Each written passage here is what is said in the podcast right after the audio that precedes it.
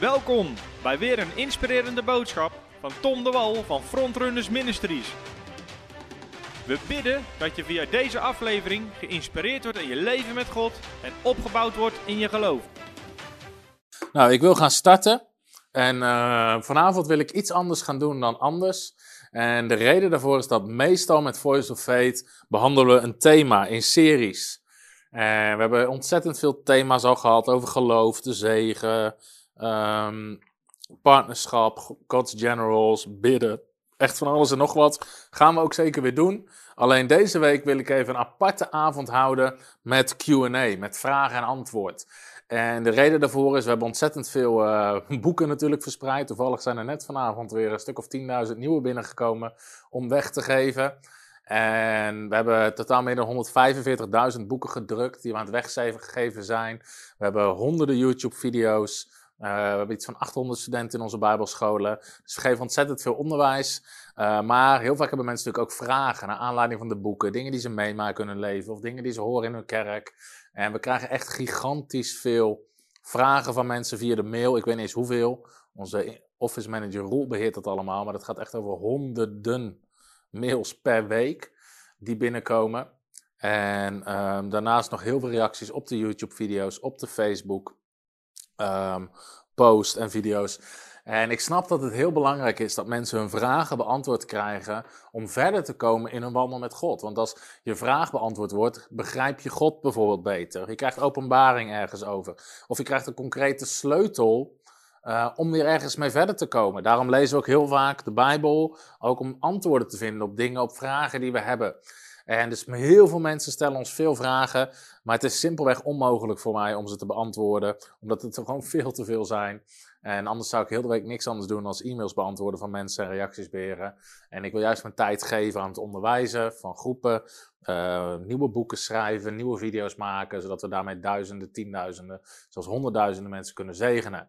Maar ik vind het dus wel belangrijk dat je vragen beantwoord worden. Daarom heb ik deze uitzending, een Voice of Fate, speciaal voor vragen en antwoord. En gaan we um, vanaf, uh, denk deze maand, één keer in de maand op een aparte avond, bijvoorbeeld een donderdagavond of een ander moment, laten we nog weten, komen we gewoon live met een Q&A stream. En iedereen die ons mailt uh, met vragen, zegt gewoon, joh, tune dan en dan in, dan doet Tom live een Q&A, beantwoordt hij je vraag, uh, zodat jij verder geholpen bent en zodat wij ook effectief mensen kunnen helpen. Dus dat is het plan wat we hebben. Nou, ik heb ook een aantal vragen die mensen in hebben gestuurd of via de mail die ik kan beantwoorden. Maar als jij vragen ergens over hebt, stel ze in de reacties via YouTube of via Facebook en ik ga ermee uh, aan de slag. Ik zie nog uh, geen directe vraag, dus ik ga dan bezig met uh, de eerste vraag beantwoorden die ik heb gekregen uh, in de mail. En dan vertrouw ik erop dat er zometeen wel meer vragen komen. En het gaat dus vooral om uh, bijbelse vragen of vragen in je persoonlijke leven waar je tegenaan loopt. Nou, we hebben ook op YouTube hebben we vragen Tom video's waarin we vragen beantwoorden. En dan krijg je ontzettend veel vragen van mensen. En ook hele leuke vragen ook om te beantwoorden. En ik wil een, uh, de eerste vraag die ik ga beantwoorden. Um, ik heb er niet bij staan van wie die komt. Maar uh, die vraag is: welke Bijbelvertaling gebruikt Tom? En wat is de verschil, of het verschil tussen de verschillende Bijbelvertalingen? Nou, ik ga er antwoord op geven wat de verschillen zijn. Uh, welke je het best kan gebruiken voor jouw situatie en welke vertaling ik gebruik. Maar misschien is het ook wel even leuk als mensen in de reacties laten weten welke vertaling jij gebruikt en waarom je die gebruikt. Dus dan kunnen we ook van elkaar zien wat we gebruiken. Nou, als het gaat om welke Bijbelvertaling gebruik je, is het belangrijkste om voorop te stellen is er is niet een goed of fout. Er is geen goede of foute vertaling. Maar wel iedere vertaling is geschreven met een ander doel, met een ander achterliggende gedachte, is met een andere achterliggende gedachte vertaald. En dat is heel belangrijk om te beseffen. Dus in mijn persoonlijke leven, wat ik eigenlijk het meeste lees, is de herziene statenvertaling. Dus hier lees ik uit in mijn eigen tijd met God, hier predik ik uit, hier maak ik mijn aantekeningen in. Uh, maar daarnaast lees ik ook nog wel andere vertalingen. Zeker als ik aan het studeren ben op bepaalde teksten, heb ik verschillende uh, vertalingen naast elkaar. Uh, ook MBV, MBG, soms de Statenvertaling.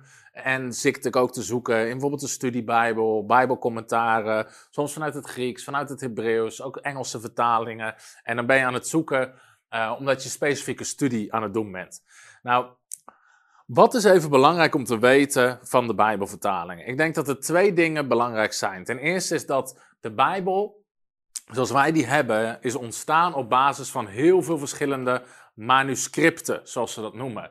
Dat zijn overgeleverde, handgeschreven teksten. Dus vroeger deden de monniken dat heel veel. Die schreven uh, de brieven die gevonden werden, die werden opgeschreven en werden doorgegeven telkens. En ook met de dode zeerollen zijn er heel veel manuscripten weer gevonden. Maar er zijn dus gigantisch veel manuscripten, echt duizenden van de brieven, van bijbelstukken. En die werden telkens overgeleverd. Nou, op basis van die manuscripten is dus de Bijbel is gevormd. En um, wat belangrijk is om te weten, ten eerste heb je dus te maken met welke taal is, um, zeg maar, de vertaling die wij lezen, de Nederlandse vertaling, uit welke taal is die vertaald? Dus er is bijvoorbeeld ook een Griekse vertaling, die heet de Septuagint, van het Oude Testament. En sommige dingen staan er net weer heel iets anders in als de Hebreeuwse vertaling. Maar ook alle overleveringen. Nou, wat heel belangrijk is, is om te weten. Um, en ik snap dat niet iedereen zich erin verdiept, maar waarvoor is bijvoorbeeld, ah, op, op basis van welke manuscripten is iets gebaseerd? En ik ga daar even een voorbeeld van geven. Uh, is soms goed om de achterliggende gedachten te weten. Het hele bekende Bijbelverhaal in, uh, uh, van de maanzieke jongen die, ze niet kunnen, die de discipelen niet lukt om te genezen, staat in Marcus hoofdstuk 9 en in Matthäus hoofdstuk 17. Nou, op een gegeven moment vragen de discipelen waarom konden we hem niet genezen? En dan zegt Jezus vanwege jullie ongeloof. En dan zegt hij, als jullie geloof hadden als een mosterdzaadje en je zou spreken, zou zelfs de berg, berg verdwijnen. En dan zegt hij, maar dit soort gaat niet uit dan door bidden en vasten. Dat zegt de Nederlandse vertaling. Maar uh, dat is, uh, als je dat gaat onderzoeken vanuit de manuscripten, dan kom je erachter dat de meeste manuscripten alleen zeggen: dit soort gaat niet uit dan door gebed. Er staat niet het woordje vasten achter. Dat is ooit in een van de manuscripten erbij gezet. Daardoor is het in sommige Bijbelvertalingen gekomen. En daarom zetten sommige Bijbelvertalingen het ook weer schuin of tussen haakjes, omdat ze niet zeker weten of dat het er wel of niet in hoort. Nou, soms kan je op basis van die schuingedrukte stukjes in je Bijbel, kan je zien uh, waarop het gebaseerd is. Nou, er zijn ook weer allerlei boeken voor, studieboeken, waarin ze weer refereren naar welke manuscripten. Is een heel ingewikkeld verhaal. Maar ik denk, dit is het belangrijkste om te weten. Als het gaat om verschillende Bijbelvertalingen. Ten eerste heb je altijd te maken met een stukje interpretatie van degene die het vertaalt. Daar ontkom je niet aan, want je bent iets aan het vertalen uit een andere taal. Dus even een heel simpel voorbeeld. In het Grieks en in het Hebreeuws Soms hoor je wel eens zeggen, en het is natuurlijk ook zo, het is een veel rijkere taal waarin woorden veel meer betekenis hebben. Maar de fout ook die sommige predikers maken, is dat ze naar de grondtekst gaan, opzoeken wat een bepaald Grieks woord is. Ze komen erachter dat dat Griekse woord 13 betekenissen heeft. En vervolgens gaan ze de betekenis in de tekst plakken die hun het beste uitkomt. Um, of ze zeggen, ja, en Paulus bedoelde en dit, en dit, en dit, en dit, en dit. Want het Griekse woord heeft al 13 betekenissen. Nou, dan ga je een beetje de mist in. Want Paulus had waarschijnlijk niet dertien verschillende betekenissen in zijn hoofd uh, toen hij dat woord opschreef. Waarschijnlijk gewoon eentje, omdat hij gewoon een brief aan het schrijven een doel wilde overbrengen. Um, dus ten eerste kan je niet zomaar het woord eruit kiezen wat het beste voor jou overkomt. En wat je helemaal niet kan doen, is gewoon zeggen, nou, al die woorden werden bedoeld. Dus je moet uit de context en uit het verhaal opmaken van, joh, wat bedoelde Paulus? Dus dat is even iets goeds om in je gedachten te houden als het gaat om Bijbelvertalingen. Wat nog meer goed is om te weten, um, en bijvoorbeeld, nou kijk, ook in het Nederlands is het zo dat verschillende woorden hebben, uh, kunnen meerdere betekenissen hebben. Dus als ik spreek, als we het woord knoop hebben, dus laten we zeggen, je pakt het woord knoop. Nou, het woord knoop kan veel verschillende dingen. Het kan een knoop zijn die aan je overhemd zit, dat is een knoop. Uh, je kan ook een knoop leggen in een touw, dat is een knoop. Als twee punten elkaar kruisen, heb je ook te maken met een knoop. Dus dat kan van alles betekenen. En dat is natuurlijk ook in dit teksten zo uit de Bijbel. Dus de vertalers moeten altijd interpreteren. Dus dat is iets wat je in gedachten moet houden. Nou, wat is belangrijk om te weten als je jouw Bijbelvertaling kiest, waaruit jij leest, is eigenlijk dit. Je hebt vertalingen die heel letterlijk proberen te vertalen. Je hebt vertalingen die wat vrijer vertalen, zodat het ook goed begrepen wordt, zodat mensen het ook begrijpen. En je hebt vertalingen die gewoon heel vrij vertalen, voornamelijk met als doel, zodat het heel goed begrepen wordt. Dat is de hoofdfocus. Dus de vraag is, wat is de hoofdfocus van de vertaling die je aan het lezen bent? En wij zijn geneigd om te zeggen, ja, maar je wil heel letterlijk vertalen, want dat is het beste. En misschien is het een, een beetje een flauw voorbeeld, maar dat is niet altijd zo. Want stel je voor dat Paulus in het Nederlands had geschreven en Paulus had een spreekwoord gebruikt, wat wij in het Nederlands gebruiken. En die wordt natuurlijk wel vaker gebruikt als grap, maar maak dat de kat wijs. Stel dat we dat gaan vertalen naar het Engels, dan kunnen we heel letterlijk vertalen en zeggen make that the cat wise. Dan hebben we het heel letterlijk vertaald, maar die Engelsman snapt er geen ene hout van. Ondanks dat we het heel letterlijk hebben vertaald. En dat is natuurlijk met heel veel dingen, is zo van, de meest letterlijke vertaling is niet altijd te begrijpen als je niet de spreekwoorden, eh, als je gewoon niet weet hoe het zit. Dus iedere Bijbelvertaler is op zoek naar hoe kan ik, of tenminste, veel Bijbelvertalers zijn op zoek naar hoe kan ik zo letterlijk mogelijk vertalen, maar dat mensen wel begrijpen waar het om gaat. Nou, en dan heb je eigenlijk, dan heb je de vertalingen die zo nauwkeurig mogelijk zijn en nog wel begrijpelijk. Dat zijn de meest letterlijke vertalingen. Heb je bijvoorbeeld de herziene statenvertaling, de MBG en de statenvertaling. Dat zijn vertalingen die proberen zo dicht mogelijk bij de grondtekst en wel enigszins, uh, zeker de staten, herziene statenvertaling, wel dat het gewoon nog steeds goed te begrijpen is. Maar ik kan me voorstellen dat als je net tot geloof bent gekomen je hebt geen kerkelijke achtergrond, dat de, staten, de herziene, zelfs de herziene statenvertaling best wel ingewikkeld kan zijn. Als je niet bekend bent met allemaal termen zoals gerechtigheid, rechtvaardigheid, um, dan kan het best wel zijn dat je denkt van joh, wat betekent dit allemaal? Um, dus je hebt ook vertalingen die zijn een stuk vrijer, maar een stuk begrijpelijker voor mensen. Denk bijvoorbeeld aan het boek. Het boek is niet heel letterlijk vertaald, maar wel heel begrijpelijk. Dus dat kan heel goed zijn voor iemand die net tot geloof is gekomen. Um, of mensen die dat fijn vinden. Maar het is niet heel geschikt om een hele nauwkeurige woordstudie te doen. Om te kijken, ja, maar wat zegt God hier nou echt? Dan kan je weer beter een letterlijke vertaling pakken. Nou, er zijn ook vertalingen die zitten daartussenin. En dat is bijvoorbeeld een MBV. Die probeert het heel begrijpelijk en toch, zo en toch nog redelijk dichtbij uh, letterlijk vertaald. Dus dat is even het verschil tussen welke Bijbelvertalingen zijn er en welke gebruik je. Dus mijn advies is, als je net tot geloof bent gekomen, je bent niet bekend met Bijbelse termen, religieuze termen, geen kerkelijke achtergrond, begin met het boek of begin met de MBV. Gewoon zodat je bekend kan raken met de Bijbel. En als je daar meer bekend mee bent, dan kan je ook makkelijker overschakelen. Weet je een beetje waar de brief over gaat, de evangeliën. Dan raak je een beetje gewend aan terminologie. kan je op een gegeven moment overschakelen naar bijvoorbeeld een herziende statenvertaling. Wil je echt studie doen, woordstudie doen, pak een herziende statenvertaling en pak er ook commentaren bij. Uh, de studiebijbel, uh, een Strongs con uh, concordans waarin je woorden op kan zoeken. En dat is veel meer geschikt voor studie. Dus dat is de vraag van welke Bijbelvertalingen zijn er, welke gebruik ik en waar moet je rekening mee houden als je je Bijbelvertaling kiest. Dus ik hoop dat dit een beetje, uh, een beetje beantwoordt. Even kijken welke vragen er zijn. Um, Oké, de volgende vraag is. Um, ik zie er een hele hoop binnenkomen. Ik heb gelukkig. Uh, mijn office manager zit alle vragen door te appen naar mij. Iemand vraagt: wat valt er nu precies onder de profetische gaven? Wat valt er nu precies onder de profetische gaven? Um, nou ja, kijk, als je kijkt naar de gaven van de geest, er zijn negen gaven van de geest. Paulus noemt die op in 1 Korinthe 12, uh, vanaf vers 6 tot en met uh, 9. Daar zegt Paulus, er zijn negen gaven van de geest. En er zijn verschillende gaven die te maken hebben met dat je bovennatuurlijk inzicht krijgt van God. En dat is de gave van profetie. Dat is eigenlijk de, de hoofdprofetische gave, om het zo maar te zeggen. Dat God je een woord geeft. Uh, aangaande de wil van God, de raad van God, of iets wat in de toekomst gaat gebeuren. Dat is de gaaf van profetie. Maar je hebt ook een woord van kennis, dat is een klein stukje kennis, dus een feitelijk iets wat je niet kan weten, wat God je laat zien. Je hebt ook een woord van wijsheid, dat God je wijsheid geeft over hoe je met een situatie om kan gaan. Maar je hebt ook onderscheid van geesten, en dat zou je ook profetisch kunnen noemen, omdat je inzicht krijgt in de geestelijke wereld. Je kan de gedachten van mensen onderscheiden, wat er in hun hart leeft, waar ze aan denken. Um, maar ook de Heilige Geest of demonen aan het werk zijn. Dus ook dat zou je als het ware onderprofetisch kunnen noemen. Maar bijvoorbeeld ook tongentaal. Paulus leert ons dat als tongentaal in de gemeente wordt ingezet, um, dan moet het vertaald worden. Um, of uitgelegd worden, om het zo maar te zeggen. Ik schrijf erover mijn boek 50 redenen om te spreken in tongentaal. Kan je gewoon gratis bestellen in onze webshop. En dan functioneert ook dat als profetie. Want die vertaalde tongentaal is dan een profetisch woord. En dus wat dat betreft kan er best wel een groot uh, rijkwijde, aangave kan vallen onder de gave van, uh, onder de profetische gave. Dus ik hoop dat ik daar een beetje mee je antwoord uh, geef.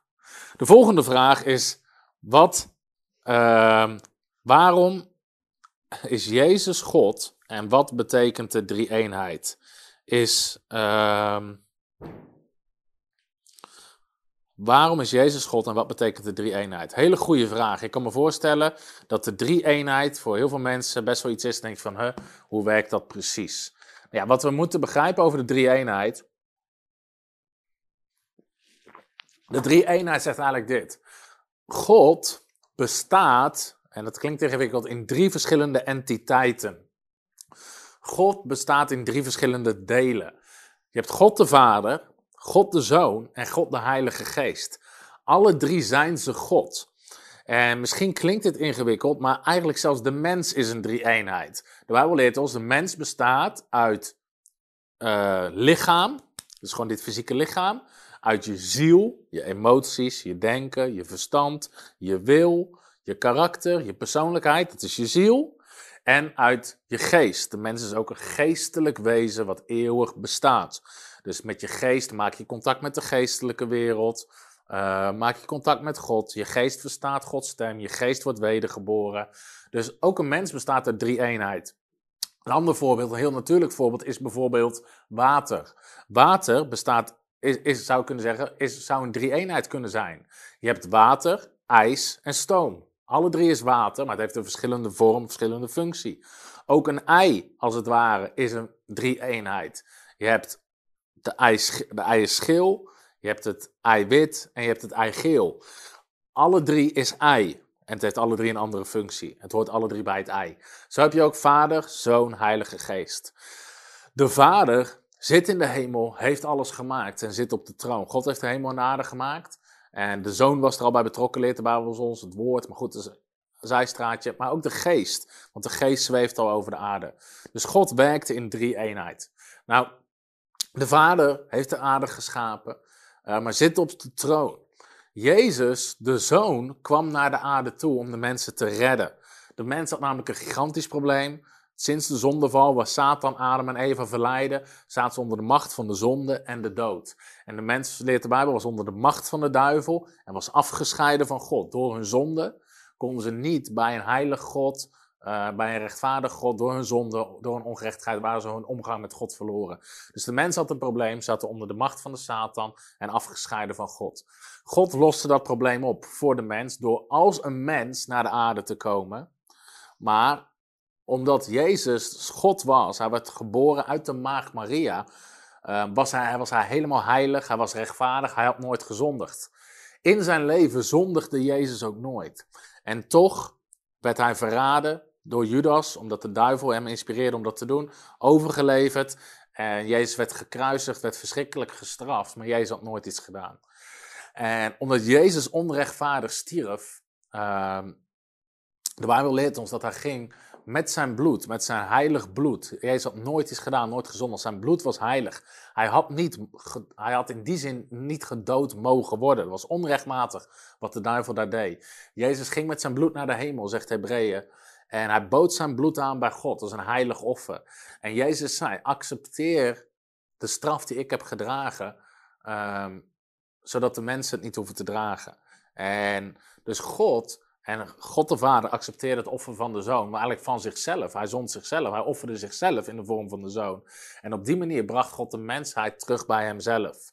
En de Heilige Geest is sinds Handeling hoofdstuk 2, sinds de Pinkstdag, is de Heilige Geest is uitgestort, zoals de Bijbel het noemt. Hij is naar de aarde gekomen en leeft nu in de gelovigen. En daardoor kunnen we hier op aarde al relatie hebben met God en geeft God ons kracht, wijsheid, leiding voor ons nieuwe leven met God. Dus God de Vader zit op de troon. We zijn verzoend door de Zoon met de Vader. En uh, de Heilige Geest is nu in ons, is nu met ons om ons te helpen hier op aarde in onze wandel met God. Dus het is God zelf die dat zo briljant bedacht heeft. Sommige van die dingen zijn lastig uit te leggen, omdat het geestelijke dingen zijn en wij zijn zo georiënteerd met onze natuurlijke zintuigen. Maar, uh, maar dat is eigenlijk de kracht en de rijkdom van de drie eenheid. Oké. Het is heel goed ehm, om al deze vragen te beantwoorden. En ik denk dat we een behoorlijke. dat er heel wat mensen zijn met vragen, maar dat is goed, want daarom doen we dit. Oké. Wat is de volgende? Iemand vraagt: kan je uitleg geven over Matthäus 20, vers 16? Ik heb geen idee uit mijn hoofd wat er in Matthäus 20, vers 16 staat. Dus misschien kan je zelf, als je een vraag hebt over een Bijbeltekst, even precies erbij zeggen welke tekst het over gaat en wat je vraag erover is. Want dan kunnen we iets duidelijker ook vragen beantwoorden.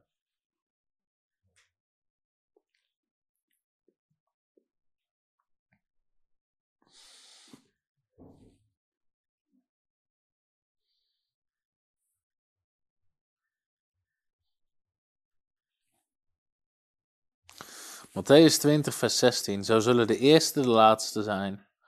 Of zo zullen de laatste de eerste zijn en de eerste de laatste. Want velen zijn geroepen, maar weinig zijn uitverkoren. Nou, die tekst moet je even in je eigen Bijbel, uh, in als je uh, die tekst gaat bestuderen, moet je eigenlijk even de, de les te voorlezen, waar Jezus de gelijkenis vertelt over de wijngaard. En dat mensen die in de wijngaard, Jezus nam drie keer, volgens mij uit mijn hoofd drie keer nieuwe arbeiders aan in de wijngaard, maar iedereen kreeg hetzelfde loon. En, uh, sommige mensen vonden dat oneerlijk, maar Jezus zegt, joh, in die context zegt Jezus, joh, ik doe wat ik wil, zegt hij. En vele, zo zullen de laatste zullen de eerste zijn. En de eerste zullen de laatste zijn. Dus Jezus spreekt erover in de context van die gelijkenis van de arbeiders in de wijngaard. En het spreekt over het koninkrijk van God.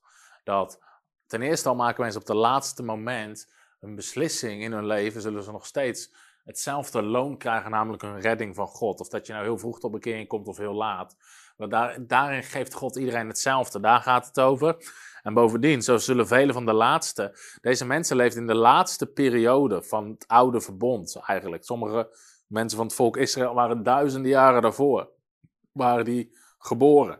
En in die tijd was er nog geen verlossing door Jezus Christus. Maar jij zegt, hey, deze laatste mensen zullen de eerste zijn om het koninkrijk van God in te gaan.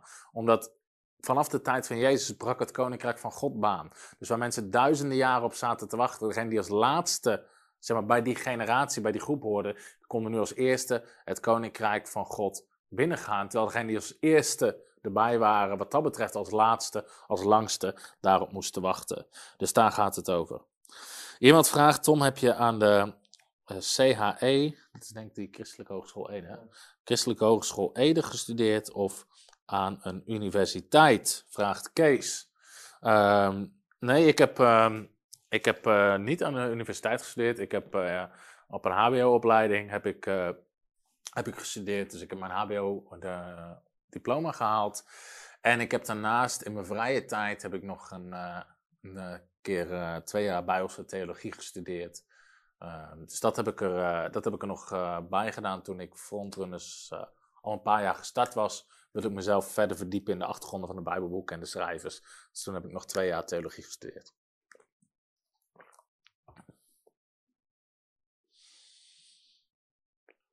Stefanus vraagt: Hoe denk je over het reinigen van je huis van eventuele claims en vloeken door vorige ongelovige eigenaren?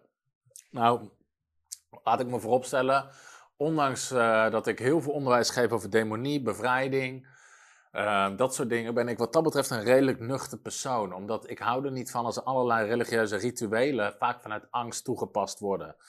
Um, en dus wat dat betreft ben ik heel nuchter, omdat ik geloof 1 Johannes 4, vers 4. Hij die in mij woont is veel groter dan hij die in de wereld is.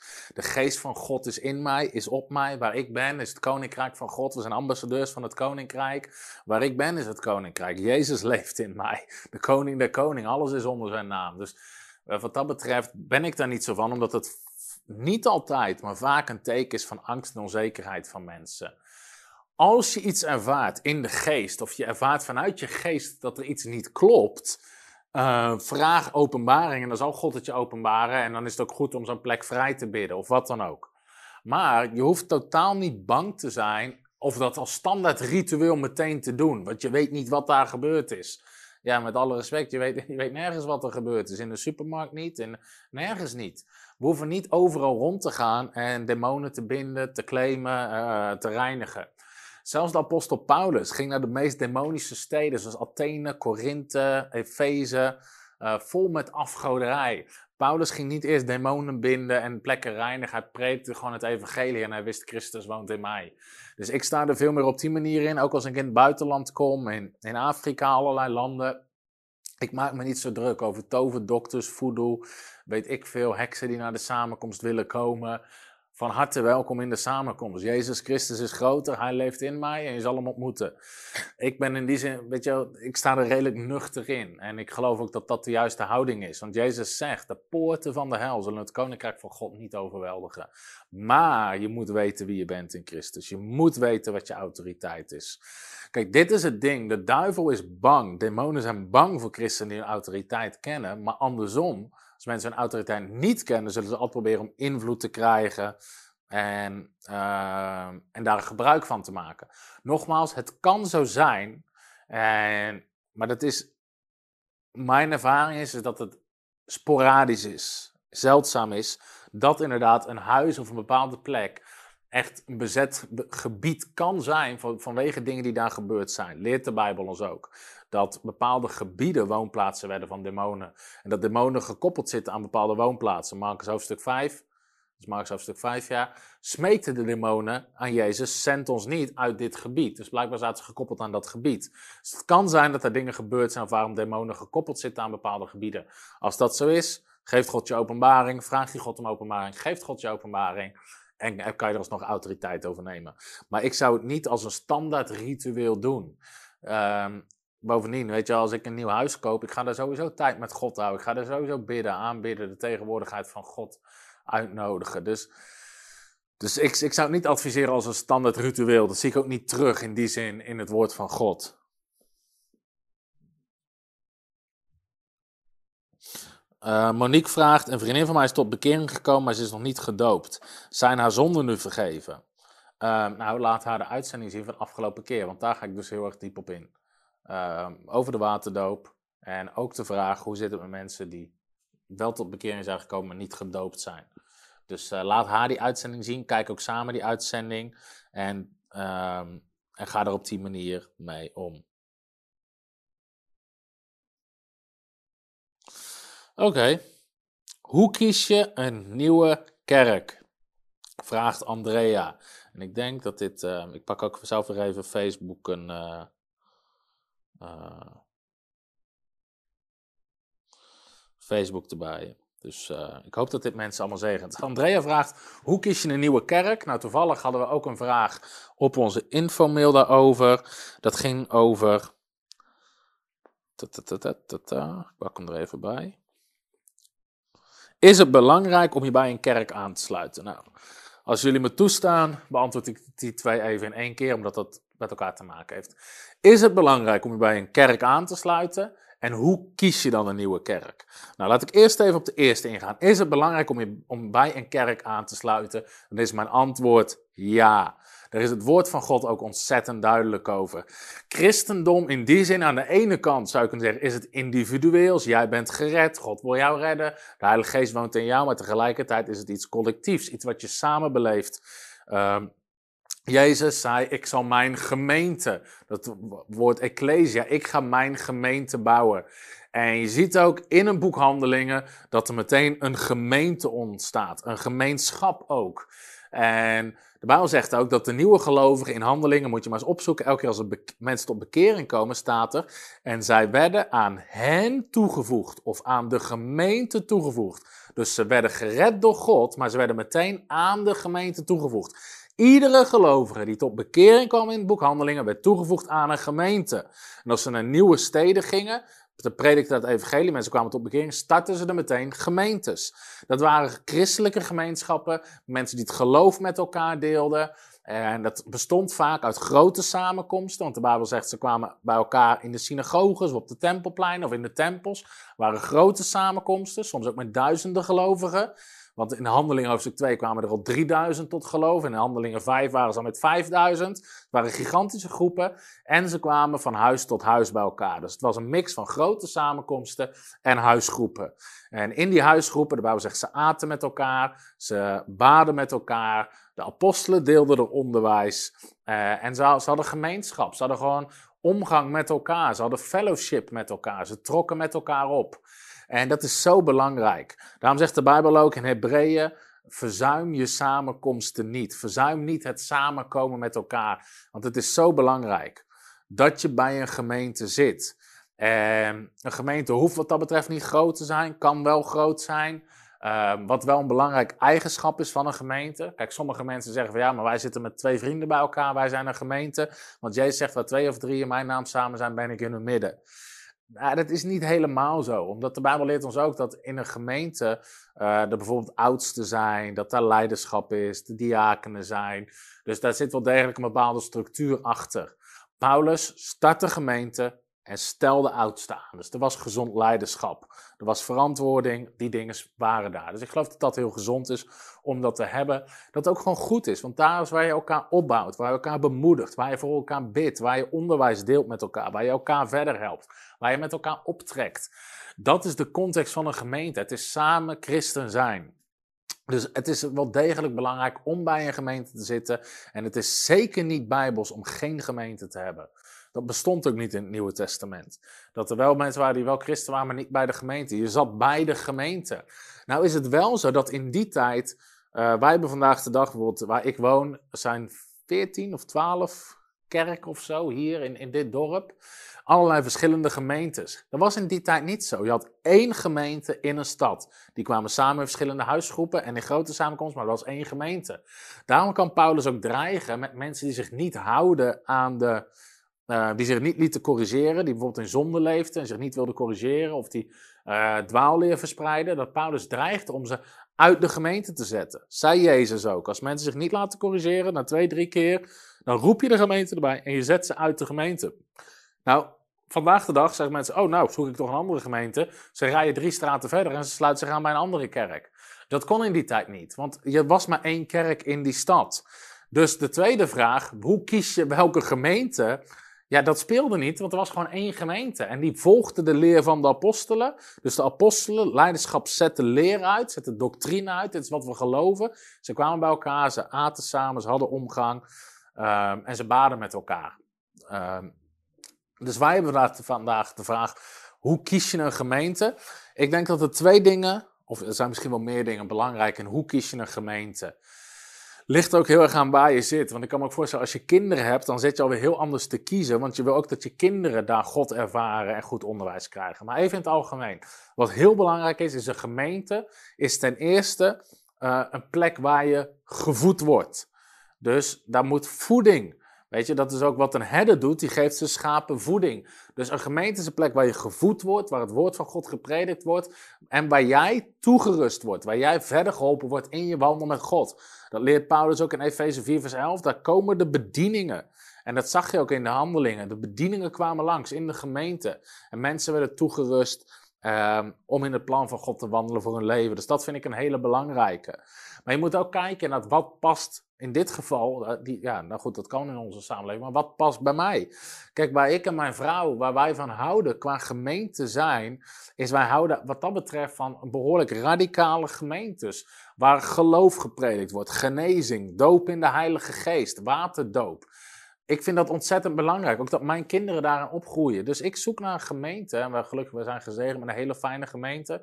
Frontrunners is zelf geen gemeente. Voor de mensen die het niet wisten, we zijn een onderwijs, we zijn een bediening, een rondreizende bediening. We hebben hier ook een eigen pand. Maar um, als ik op zondag, meestal spreek ik op andere plekken. Maar als ik niet hoef te spreken, ga ik naar onze eigen gemeente. Mijn vrouw gaat met onze kinderen gewoon eigenlijk altijd naar de gemeente.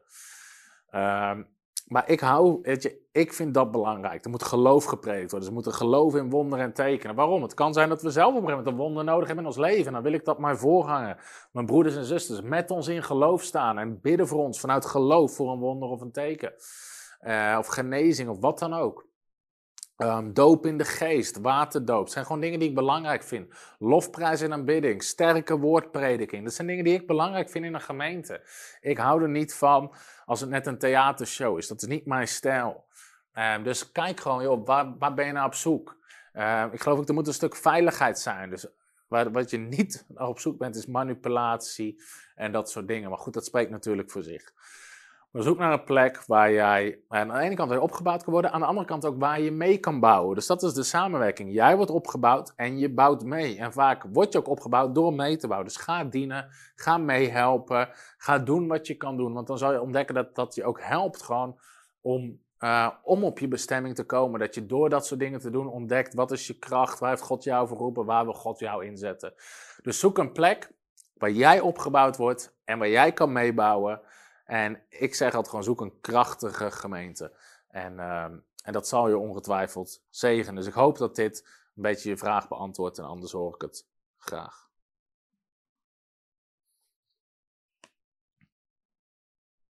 Evangelisatie, ja, trouwens, ik zit hier de reacties te lezen.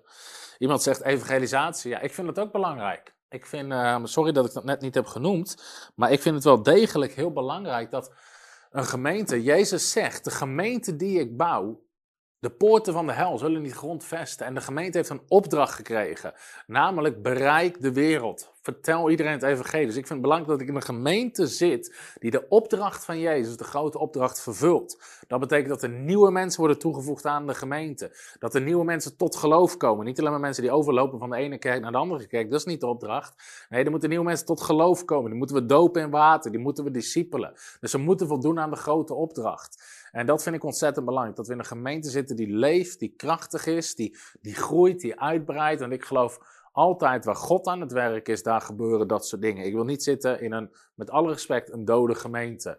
En ook niet een gemeente zitten klagen, ja, maar de grond is hier hard. Nee, nee, nee, sorry, sorry lieve mensen. In de tijd van handelingen, daar was de grond hard. Christendom kende niemand, bestond nog niet. Ze dienden afgoden, allerlei rare dingen. En alsnog, de gemeente verspreidde zich razendsnel. Dus Jezus zei, ik zal mijn gemeente bouwen. Matthäus 16, vers 18.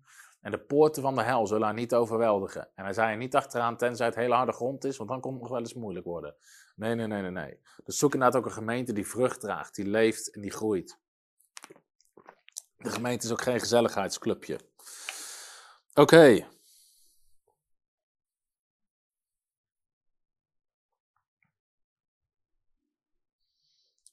Oeh, wat een hoop vragen. Leuk, leuk, leuk, leuk, leuk. Oh. Ik ben gedoopt in de Heilige Geest, maar kan nog steeds niet in tongentaal bidden. Hoe kan ik dat ervaren of doen? Van Kato Danzo. Nou, uh, lees mijn boek. Je kan hem gewoon gratis bestellen. Ik heb een heel. Uh, lees gewoon dit boek, 50 redenen om te spreken in tongentaal. En één hoofdstuk gaat ook over um, hoe kan je spreken in tongentaal. En ik zeg dit nederig, ik zeg dit oprecht, maar ik heb nog van niemand teruggehoord die dit boek heeft gelezen, het heeft toegepast in zijn leven en die daarna niet kon spreken in tongentaal. Dus dit boek is gewoon een enorme zegen, omdat ik uitleg hoe je dat kan doen. Dus lees het boek en, uh, en dat zal je echt zeggen. Dus ga naar onze webshop frontrunnersministers.nl, bestel het boek en hier leg ik het gewoon stap voor stap uit. En misschien dat we binnenkort wel even een keer een preek ook kunnen doen over tongentaal. Want daar zijn altijd heel veel vragen over. Dus ik zal binnenkort ook weer eens een miniserie of een preek erover doen. Maar voor nu uh, is dat het. Iemand zegt, ik uh, volg jullie online bijbelschool en uh, gaat over leven als een zoon in plaats van een slaaf. Klopt, geven we les over. In onze kerk zie je heel veel knielen en mensen die zich klein maken. Is dat niet slaafs? Nee, uh, dat is nederigheid. Dus gewoon knielen heeft niks te maken met een slaaf. Misschien denken wij er wel aan, maar knielen heeft ook te maken met ontzag. Ehm, is, is gewoon ontzag voor God. En, uh, en uit eerbied, uit respect. De allereerste keer dat het woord aanbidding voorkomt in de Bijbel, is even uit mijn hoofd, uh, is Genesis, waar, waar de Bijbel zegt: Abraham knielde zich neer voor de Heer. Dat is de allereerste keer wat het woord aanbidding voorkomt. Dus Abraham knielde neer uit ontzag, uit respect voor God. En dat hoeft niet met iets slaafs te maken te hebben of met eigen minderwaardigheid. Je knielt niet zozeer vanwege je eigen minderwaardigheid, maar juist van Gods gigantische waardigheid en eer en respect. Dus dat kan wat dat betreft helemaal losstaan van een slaafs denken.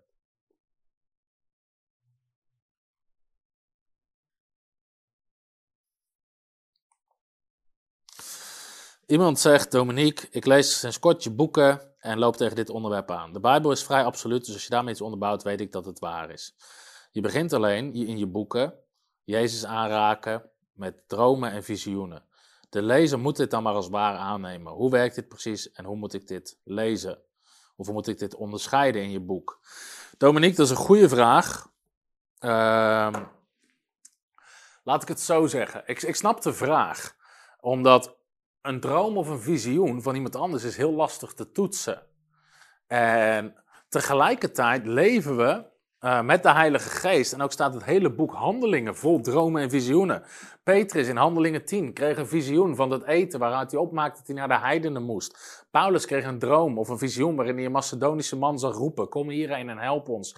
De hele Bijbel, Joel hoofdstuk 2, God zegt, ik zal mijn geest uitstorten en, mijn, en de uh, uh, jongeren en ouderen zullen dromen, dromen en visioenen zien. Dus dit is een aspect van de Heilige Geest. Mensen hoeven mijn droom ook niet te geloven, hoeven mijn visioen ook niet te geloven. Maar wat belangrijk is, is een van de dromen die ik vertel. Kijk, hoe weet je of iets van God is? Nou, een van de dromen die ik vertel, in Jezus aanraken, is dat in een visioen ervoor ik dat God tegen me zei: Tom, geef dit boek zoveel mogelijk weg, gratis. Hoe weet ik dat dat van God was vervolgens? Omdat het ook gebeurde. Dus ik kreeg, we kregen gigantisch veel geld. We hebben nu Jezus aanraken 45.000 keer gedrukt en gratis weggegeven. Je, dat is voor mij het bewijs dat het van God is. Hoe toets je zoiets als het uitkomt, als het gebeurt? Dus wat is de vrucht ervan? Um, dus dat is, en, en ik vertel natuurlijk in het visioen, en ik vertel het visioen over, over dat God iedereen wil genezen. Maar vervolgens onderbouw ik dat visioen en onderbouw ik eigenlijk die doctrine met allerlei bijbelteksten, bijbelse voorbeelden. En laat ik door het hele woord van God zien dat Jezus iedereen genast, de apostelen iedereen genazen. Dus, dus, dus daar vervolgens onderbouw ik het ook helemaal met het woord van God. Dus kijk het altijd als, als ik profetieën hoor, als ik visioen hoor, als ik dromen hoor van anderen, zijn er altijd twee dingen die ik wil weten. Ten eerste is het gebeurd, is het tot uiting gekomen. Want blijkbaar was het dan iets van God, als het vervolgens ook gebeurt. Het zou iets anders zijn als ik een hele grote droom had, maar er was nou nog steeds niks van gebeurd. Dus we hadden nou nog geen boek weg kunnen geven, we hadden, weet je wel, dan, dan zou het iets anders zijn. En ten tweede, wat zegt het woord van God? Het woord van God is ons vaste woord van profetie, leert Petrus ons. Dus daarmee toetsen we ieder ander woord van profetie. Dus ook een profetische droom of een profetisch visioen. Dus uh, vervolgens onderbouw ik ook uitgebreid met Bijbelteksten wat het woord van God erover zegt. Oké, volgende tekst. Oei, oei, oei, wat een hoop vragen, wat een hoop vragen. Ehm. Ik ken iemand met chronische hoofdpijn. Ik ga ze gewoon van onder naar boven af. Dus stay tuned. Ik ken iemand met chronische hoofdpijn. Hoe kom ik erachter of dit veroorzaakt wordt door een demon? Dan kan ik namelijk concreet bidden voor bevrijding. Ehm, mijn ervaring is dat vaak chronische dingen, herhaaldelijke dingen, meestal inderdaad gebonden zitten aan demonie. Omdat het keer op keer terug lijkt te komen. Dus um, als is zodra ik. Kijk, je kan mijn les Demonie en Bevrijding, onze training op YouTube, heb ik één les hoe herken je demonie, hoe herken je demonen. En daarin leg ik dit soort dingen uit. Maar als dingen vaak herhaaldelijk zijn, keer op keer terugkomen, dan heeft dat voor mij vaak dat een aanwijzing om meteen alert te zijn van wacht, hier zouden we heel goed met een demonische geest te maken kunnen hebben. Van bepaalde ziektes weet ik het uit ervaring. En dit is er ook één van waarvan ik heb gezien, juist vaak chronische hoofdpijn, migraines als ik een geest, die geest van pijn, die tergende geest eruit stuur, heb ik gigantisch veel resultaat gezien met genezing. Dus, um, dus dat is voor mij wel een trigger. Oké. Okay. Gerry, wij bidden altijd in de naam van Jezus. Nu hoorde ik gisteren van een voorganger dat je moet bidden in de naam van Jezus met hyssop. Wat betekent dit? Dit betekent dat je voorganger larikoek verkondigt. Sorry dat ik zo duidelijk ben. Mijn boek Bidden is ontvangen over de kracht van gebed.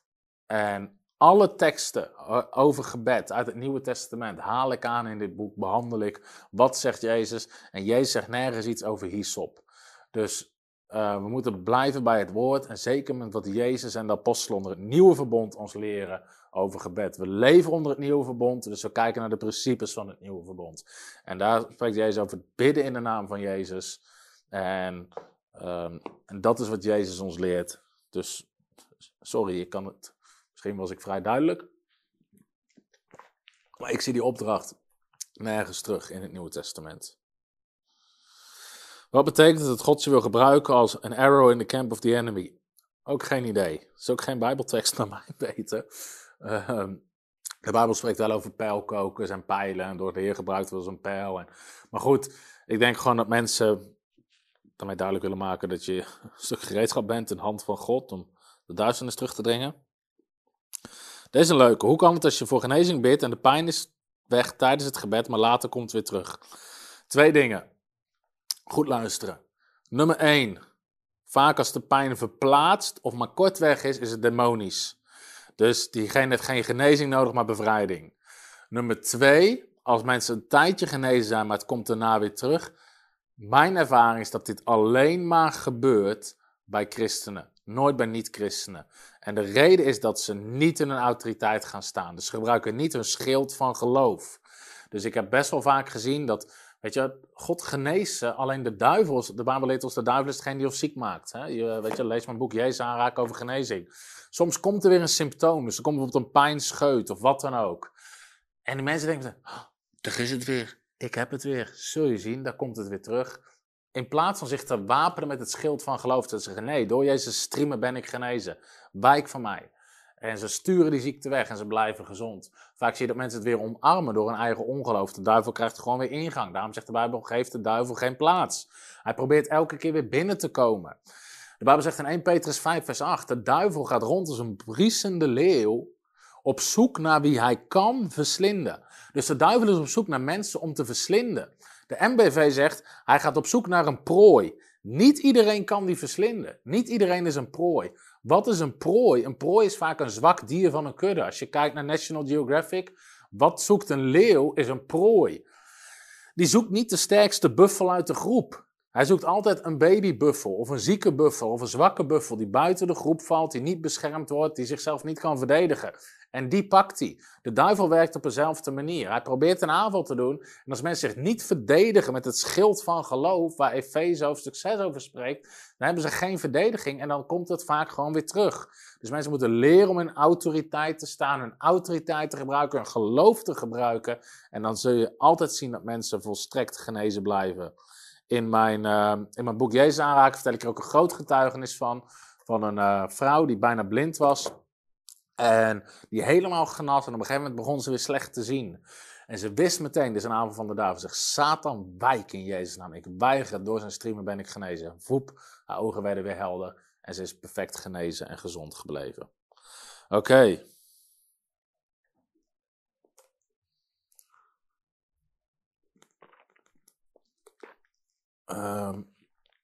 Volgens mij zie ik een aantal uh, vragen over... Uh, de eindtijd en de opname. Misschien dat ik die zo meteen even ga bundelen als jullie het goed vinden. Want anders, ik zie dat er hier een. Uh, dus die, daar kom ik straks op terug. Kinderen moeten zelf een keuze maken om te bekeren en te dopen. Zeg jij, dat klopt. Met welke leeftijd is dit dan? Wanneer kan een kind de keuze zelf maken? Nu weet ik dat ieder kind anders is. Nou, je geeft zelf wat antwoord. Er is niemand die dat zo goed kan inschatten als de ouder een ouder weet van, joh, maakt een kind een bewuste keuze. Uh, dat is slecht aan de ouders. Dus ik kan niet zeggen, nou, dat moet deze leeftijd zijn. Daarom wil ik er ook heel voorzichtig in zijn. Ik weet, sommige kerken zijn heel hard. Je mag pas vanaf, weet ik veel, 15 jaar of 16 jaar dopen. Joh, wat als een kind? Van sommige kinderen kunnen op hun twaalfde heel bewust aan de drugs en aan de drank zitten. Als ze op de twaalfde heel bewust aan de drugs en de drank kunnen zitten, kunnen ze ook heel bewust een keuze maken voor Jezus. Kunnen ze blijkbaar prima. Dus ik ben heel voorzichtig om daar een leeftijd aan te koppelen. Dat kan de ouder het beste zeggen. En ook als je gewoon goede gesprekken hebt met je kind. En je hebt een open relatie, kan je er heel snel achter komen. Van joh, weet je, wat, wat leeft er in je hart? Waarom wil je dit? En als een kind gewoon zegt, wil ik geloof in Jezus, ik wil me laten dopen, weet je, ik wil gered worden of wat dan ook. Of ik heb een ontmoeting gehad met God. Weet je, sta er niet tussenin, sta er niet tussenin. Sommige mensen zeggen, en dit, ja, dit is wel iets om te zeggen. Ik heb wel eens mensen gehoord met, met een volwassen doop. Die zeiden, was een keer iemand uit de traditionele kerk. Zei mij, ja, maar jullie, weet je, jullie dopen ook wel mensen van 17 of 18. Hoe weet jij dat ze daarna niet afwijken van God? Ik zei, hoe weet jij dat die baby die je doopt met twee maanden, dat die niet afwijkt van God? Ik zei, dat vind ik een grotere geloofstap dan wat wij doen. Ja, ja, dat was ook wel zo, zei hij vervolgens. Nou, sommigen zeggen, ja, maar als mijn kind zich nou wil laten dopen op zijn elfde en later gaat hij alsnog de wereld in. Weet je, ten eerste wil je helemaal niet aan dat soort scenario's denken, daar wil ik helemaal geen geloof voor hebben. Zelfs als het gebeurt en iemand komt in die zin opnieuw tot bekering, weet je wel, prijs God. Weet je wel, ik geloof niet dat God er zo wet is of zo strak in is, om zo maar te zeggen. Maar wat is hij dan voor de tweede keer wil laten dopen? Doop ze voor de tweede keer. En weet je, en misschien dat ik hier wat makkelijk in lijkt, maar ik hou niet altijd van die theologische discussies. Van ja, maar nou mag je niet voor die tweede keer laten dopen. Ik wil niemand van weerhouden om bij Jezus te komen. Ook al geloof ik dat de eerste keer dopen al prima was. Joh, weet je, ik geloof, weet je, wat denk je? Dat Jezus daar boos om wordt van, nou ja, je bent twee keer gedoopt. Nee joh, weet je. Man, er is feest in de hemel als mensen een keuze maken voor Jezus. Dus dan hebben ze twee keer feest boven. Oké. Mag, kan je ook gedoopt worden als je Gods weg wil volgen, maar nog niet alles gelooft wat in de Bijbel staat? Nou, ik denk dat daar een verschil is. Volgens mij sla ik een paar vragen over. komen er zo voorbij. Zal ik die dan maar eerst maar antwoorden? We hebben het nou toch over de doop. Nou, het, ik denk dat het belangrijk is om de. Om de, om de kijk, ten eerste gaat het. Um, zo, hele hoop vragen over de doop. Oeh. Um, Sorry, nou ben ik die vraag kwijt. Mag, kan je gedoopt worden als je, nog, als je Gods weg wil volgen, maar nog niet alles gelooft wat in de Bijbel staat? Nou, ten eerste is de drie-eenheid is Vader, Zoon, Heilige Geest. Dus het belangrijkste is dat jij gelooft in het verlossingswerk van Jezus, dat je zonde vergeven wordt, omdat Jezus opstond uit de dood. Dat is het belangrijkste. God heeft ons zijn woord gegeven, dit is ook de waarheid. Dus ik denk misschien dat je nog niet alles snapt wat erin staat, maar het is wel heel belangrijk voor jou, dit is de waarheid. Ik snap misschien nog niet alles. Ik snap ook dat, vanuit, dat je bepaalde vraagstukken hebt. Wel, ja, waarom moest in het Oude Testament, waarom werden die volken vermoord? Weet je, dat soort dingen. Ik snap dat je dingen niet begrijpt. Maar goed, dan even terug naar de kern. Geloof je dat Jezus is gestorven voor je zonde? Dat hij wil vergeven? Dat je terug bij de Vader kan komen? Ja? Oké, laat je dopen. Neem ondertussen de houding aan in je hart. Ik geloof dat Gods woord de waarheid is. De Bijbel noemt God de alleenwijze God. Blijkbaar weet God dingen die ik niet weet. Blijkbaar is God groter dan mij. Blijkbaar kan God dingen bedenken die ik niet kan bedenken. En in mijn wandel met God ga ik wel ontdekken wat God zegt in zijn woord. Waarom God bepaalde dingen zegt. En mijn ervaring is hoe langer je met God wandelt, juist hoe beter je dingen begrijpt. Ook dingen die je eerst niet begreep. Dus ga er ook relaxed in om, maar zit het ook niet als een soort, ehm, ehm, hoe noem je dat ook alweer? ik veel, een encyclopedie te lezen van, snap ik dit wel? Ben ik het hier wel mee eens? Kan ik dit wel geloven? Neem gewoon de houding aan. Dit is het woord van God. Ik geloof wat erin staat, maar ik ben wel het aan het ontdekken. Ik begrijp misschien niet alles, ook niet waarom dingen gebeuren. Maar goed, daar gaan we wel achter komen. Dus dat zou mijn advies zijn over de houding. Even kijken hoor. Zo, zo, zo, zo. Ah, we gaan goed, we gaan goed, we komen er doorheen. Wat is de ontstaansgeschiedenis van het christendom? Lees je Bijbel. Dat is Jezus Christus. En het is natuurlijk ontstaan uh, uit basis van het Oude Testament, maar dat is eigenlijk gewoon. Uh, als, je, als je echt zeg maar, heel onbekend hiermee bent, kijk de Bible Project op YouTube. Schitterende video's over de Bijbel, over hoe het christendom is ontstaan, hoe Jezus naar deze wereld kwam. Uh, wordt allemaal prachtig uitgelegd. De Story of the Bible, ze hebben ook gewoon een overview video van zeven minuten. Dus dan uh, zou je dat uh, beter begrijpen. Wat nu met de koninkrijk nu leer? Oh ja, dat gaat ook over waarom gaat de opname snel gebeuren. Die pak ik ook straks bij. Welke gemeente ga je, Tom? Misschien is het ook wat voor mij. Ik heb nog geen gemeente. Wij gaan naar Jubilee in Oosterhout. Jubilee gemeente in Oosterhout. Daniel Struik. Waarom wordt er zo weinig gesproken over zaaien en oogsten, geven en de kracht die er in Gods beloftes zit? Ja, Daniel, dat is een hele goede vraag. Er zijn inderdaad helaas heel weinig kerken, en ik spreek zelf in heel veel kerken, waar goed onderwijs wordt gegeven over zaaien, oogsten, financiën, Gods zegen, Gods voorziening, zelfs voorspoed, term die de Bijbel heel veel gebruikt.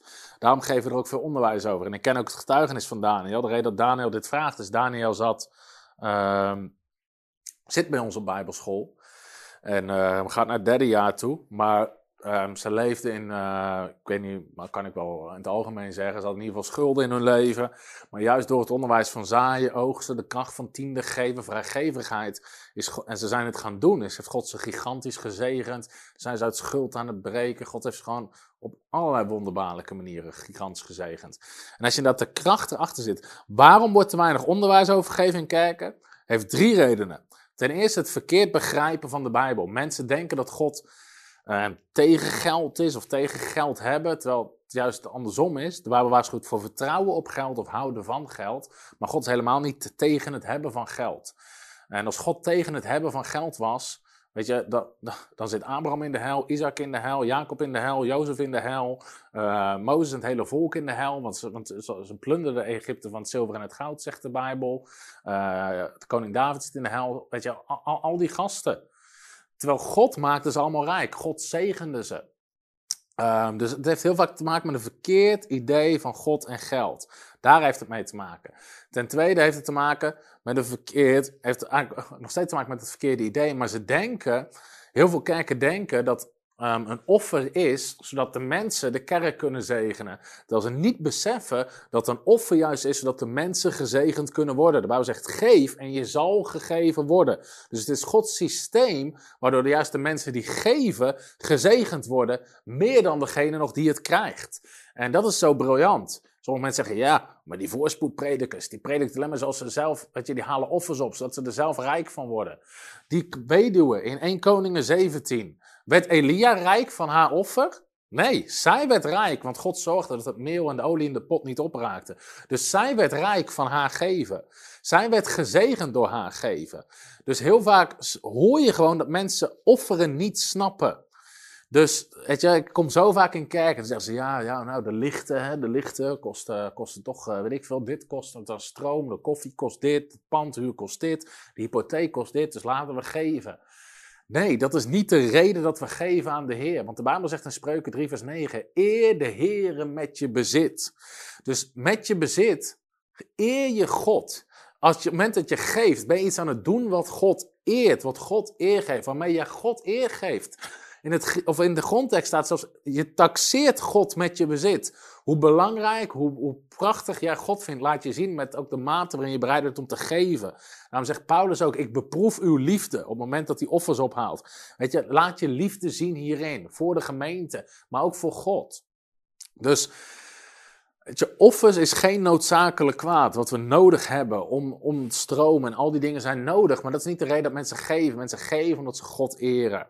En de reden dat heel veel kerken erover praten, omdat ze bang zijn.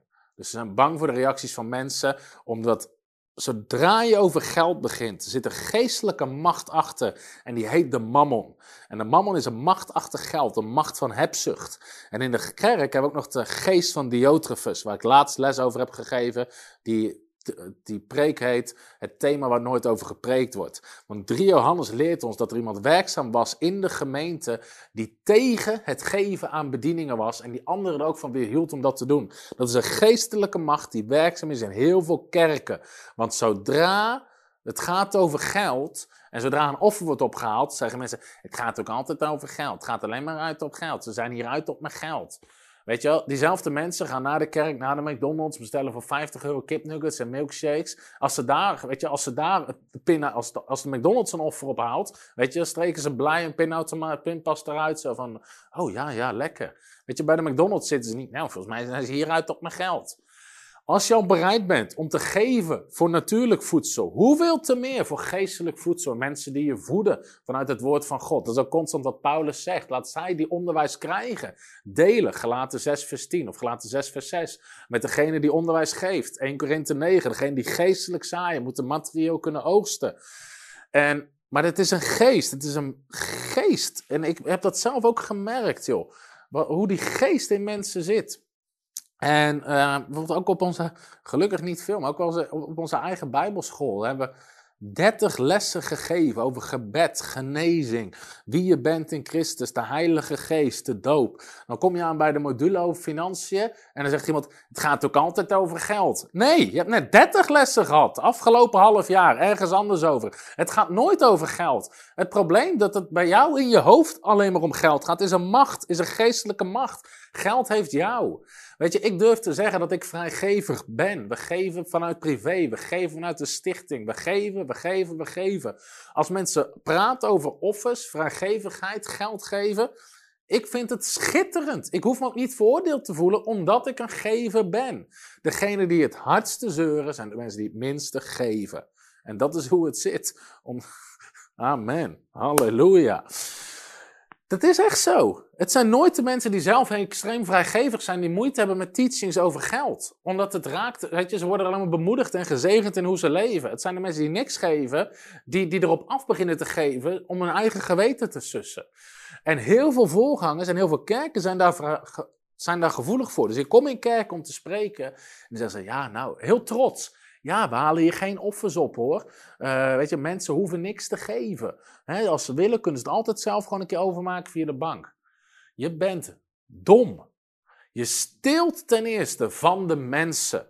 Want het kans om te offeren is, je geeft die mensen de kans om gezegend te worden. Je steelt de kans om gezegend te worden van die mensen. Je steelt God van zijn eer. Want de Bijbel zegt, je eert de Heer met je bezit. En Paulus zegt, dit offer is een welbehagelijk offer voor de Heer. En bovendien geef je toe aan een religieuze geest van mensen die dat blijkbaar niet fijn vinden. Maar je moet er doorheen breken. Gewoon zeggen, joh, in dit huis eren we God met ons bezit. We eren God. We, dat is hoe we het doen. En als je het daar niet mee eens bent, dan zoek je maar iets anders op. Weet je, dat, is, dat klinkt misschien radicaal, maar moet je dan gewoon een standpunt in innemen. Gewoon, dit is wat het woord van God zegt. Over geld, over offeren, over geven. En daar kan je het mee eens zijn of niet. Maar heel veel mensen geven toe aan die macht. En, en, en, en manipulatie en al die dingen meer. En dan schamen zich voor offers. Ze durven niet over te praten. En dan worden de offers opgehaald van... Uh, ja, uh, als, je nog iets, uh, als je nog iets over hebt in je portemonnee om te geven. Nee, nee, nee, nee, nee. Zo geven we niet aan de Heer. Je kijkt niet in je portemonnee of je nog iets over hebt.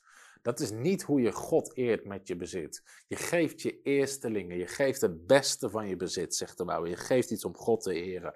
En dat is de kracht achter geven. Maar heel veel mensen durven dat niet te prediken omdat ze bang zijn voor de reacties van de mensen. Uh, maar, daar hoeven we niet. We moeten gewoon het woord van God prediken en zeggen wat God erover zegt. Dus dat is mijn. Uh... Hm? Iemand zegt, ik ga mijn tiende geven. Dankjewel, Tom. Nou, blij dat je, blij dat je ermee hebt kunnen helpen. We hebben ook een hele uitzending trouwens over tiende geven.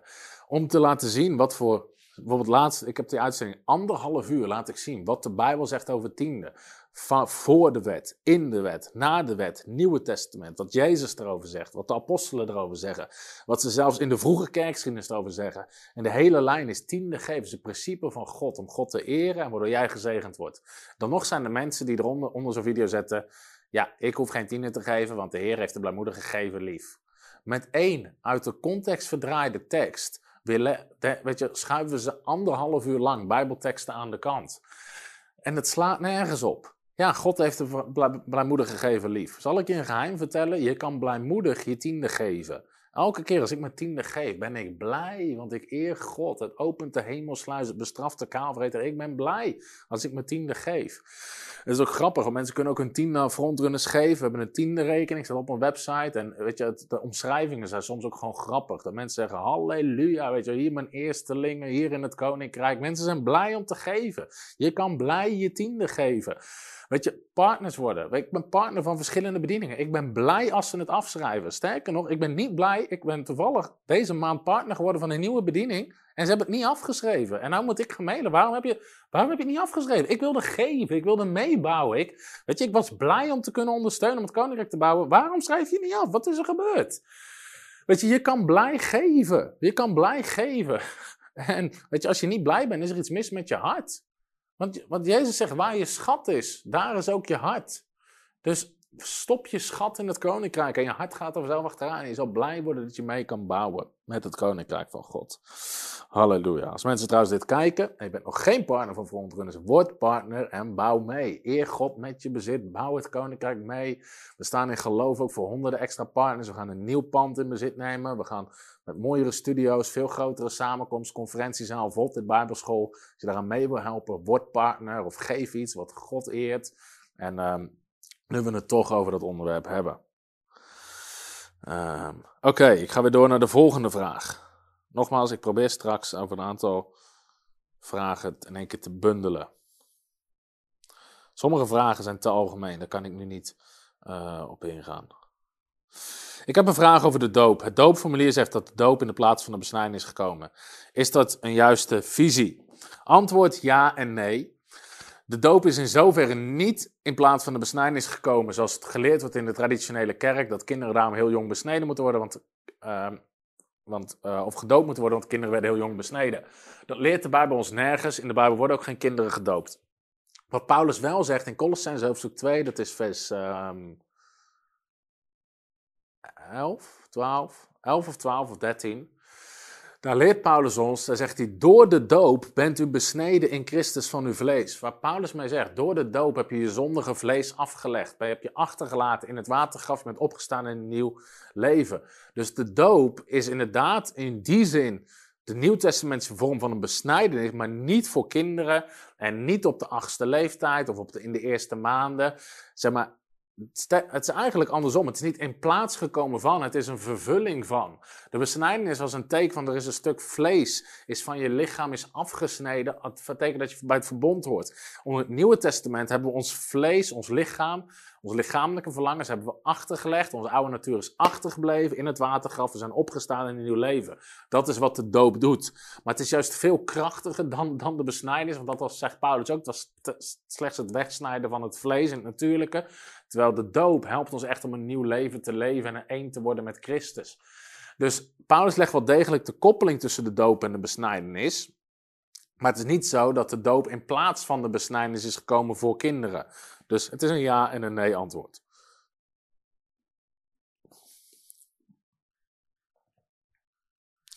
Nog een vraag over de opname, tekenen van de tijd, de komst van de Heer. Daar hebben we nou een aantal vragen over. Ik zal er zo meteen iets over zeggen. Wat zegt de Bijbel over de opname?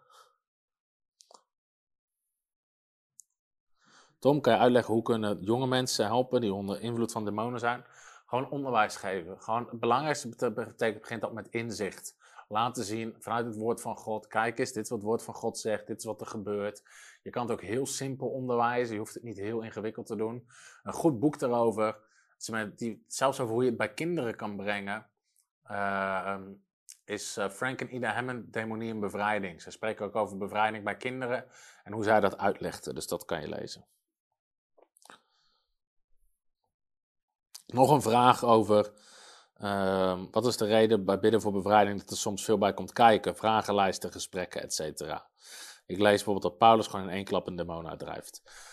Uh, klopt, um, maar dit is ook een iets te grote vraag om nu te beantwoorden. Um, ik heb echt een hele serie over demonie en bevrijding, waar ik ook in ga op hoe drijf je demonen uit. Waar ik inderdaad ook wat zeg over hoe kom je erachter wat er speelt, hoe je daarmee omgaat, et cetera. En daarvan wil ik wel zeggen, het is niet zo dat zij helemaal geen vragen stelden. Dus het klopt, soms gingen gewoon de demonen eruit. Bij Filippus, bij Paulus, ook bij Jezus. Um, als ze begonnen te manifesteren, soms stelde Jezus wel vragen. Dus Jezus vroeg aan de maanzieke jongen, aan zijn vader, hoe lang overkomt dit hem al? Um, Jezus vroeg de demon in Marcus hoofdstuk 5 en de bezeten man van de Gadarene. Uh, vroeg hij, wat is uw naam? Dus soms werden daar wel vragen gesteld, gebeurden daar wat dingen, maar inderdaad Um, dus, dus, er zit dan bepaalde balans in, laat ik het zo zeggen. Uh, maar ik ben het met je eens dat er in die tijd gewoon veel meer kracht en veel meer uh, uh, resultaat was. En dat we er echt naartoe moeten groeien ook. Ik geloof ook meer in die kant. Maar ik leg het uh, in mijn studie Demonie en Bevrijding, zeker in de laatste lessen, concreet op Bitje voor Bevrijding, ga ik er dieper op in. Dus daar wil ik nu niet al te diep op ingaan, omdat we daar gewoon uren onderwijs over hebben gegeven. Hoi Tom, willen met ons evangelisatieteam meer vrucht, resultaten. Heb je goede tips voor straatevangelisatie? Poe. Ja. ja, heb ik wel. Alleen ik zit er gewoon te denken wat, uh, uh, wat ik daarover ga zeggen, wat wijsheid is. Nou, ten eerste, kijk, je moet je afvragen met evangeliseren. Wat is ten eerste even over straatevangelisatie? Ik geloof erin. Want je leest bijvoorbeeld in het boek Handeling, moet je maar eens opzoeken, dat heel veel wonderen die gebeurden, gebeurden in de poorten van Salomo, staat. Dat was het tempelplein waar heidenen kwamen, joden kwamen, handel werd gedreven, gebeurde van alles.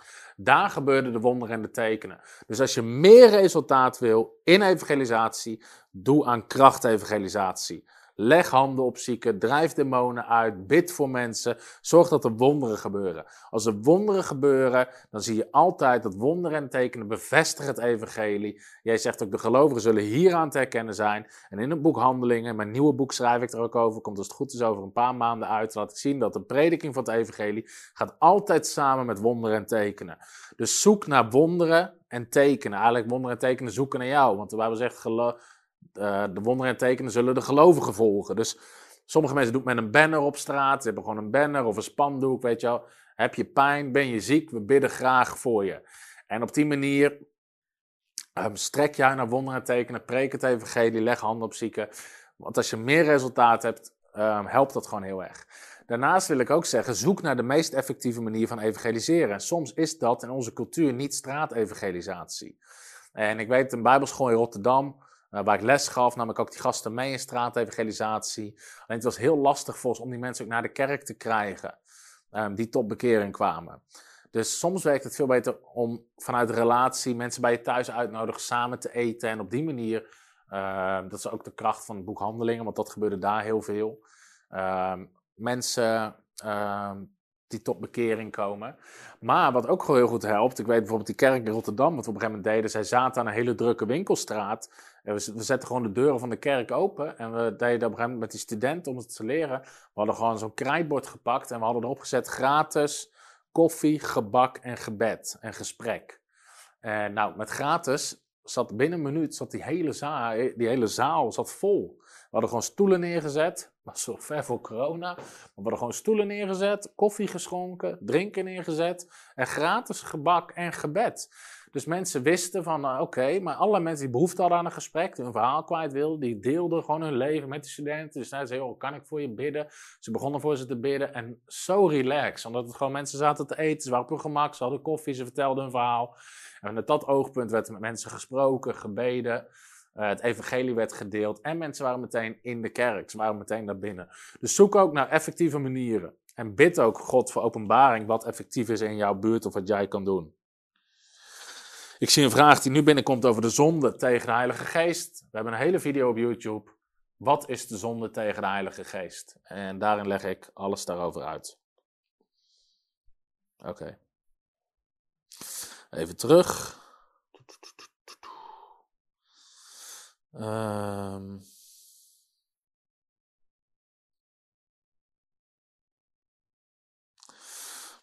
Iemand zegt, sommige mensen zeggen dat je alleen moet bidden voor zieken als je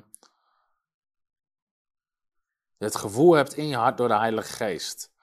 Um, nou, nee, dat is niet helemaal zo. De Bijbel legt gewoon leg handen op zieken. En jij zegt niet tenzij iets bijzonders voelt, tenzij dit, tenzij dat. Het hoort gewoon bij de prediking van het evangelie. Het hoort bij de autoriteit die een gelovige heeft. Dus je hoeft niet te wachten op bijzondere gevoel of wat voor dingen dan ook. Je hoeft ook niet te wachten op een bijzonder gevoel voordat je het evangelie mag delen. Of wat dan ook. Of dat je überhaupt voor iemand mag bidden. Dus um, nee, ik geloof daar niet zo in. Even kijken. Wat vindt u van het Jodendom en de islam? Dat is een te brede vraag die ik niet uh, zo kan beantwoorden. Dus graag specifieke vragen.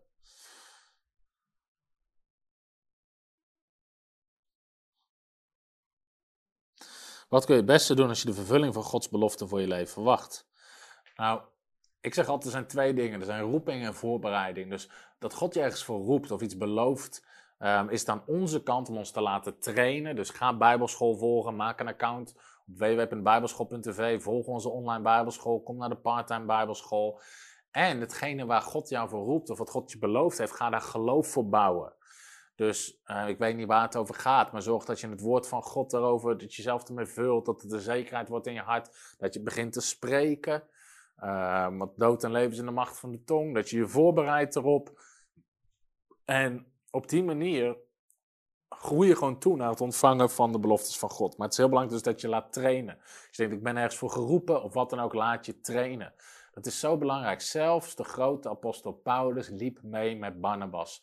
Barnabas nam hem aan de hand. Dus hij had een gigantische roeping, ook meteen toen hij Jezus ontmoette. Maar hij had het gewoon nodig ook om in het begin aan de hand genomen te worden en meegenomen te worden in de dingen van God.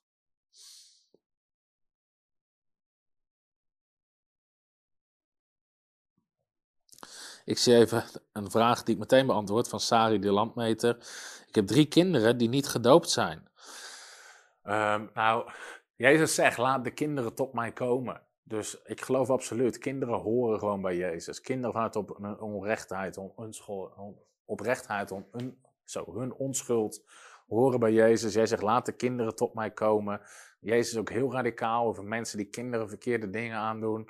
Dus, weet je wel, ik geloof, God houdt van kinderen. Kinderen hebben ook zulke bijzondere ontmoetingen. Ik wil je aanmoedigen om het boek te lezen. Kinderen hebben geen kleinere heilige geest. Dat gaat je helpen om te kijken, om te begrijpen hoe God naar kinderen kijkt. Oké.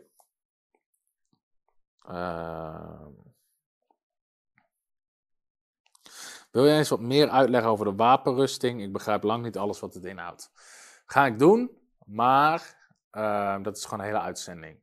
Dus dat kan ik niet uh, nu zo heel even snel doen. Dus uh, dat wordt gewoon een keer een uitzending die we daarover gaan doen. Dat is wel een goed idee. Dus laten we dat een keer, een keer doen. Ik zal hem meenemen. Misschien kunnen we zelfs een serie over maken.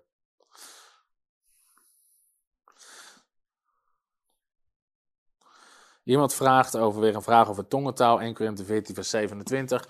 Lieve mensen, voor de vraag over tongentaal, lees alsjeblieft mijn boek. Dus ik schrijf ook heel veel dingen op in boeken, juist zodat ik niet alle vragen van iedereen individueel hoef te beantwoorden. En zodat mensen gewoon het hele onderwerp goed kunnen begrijpen.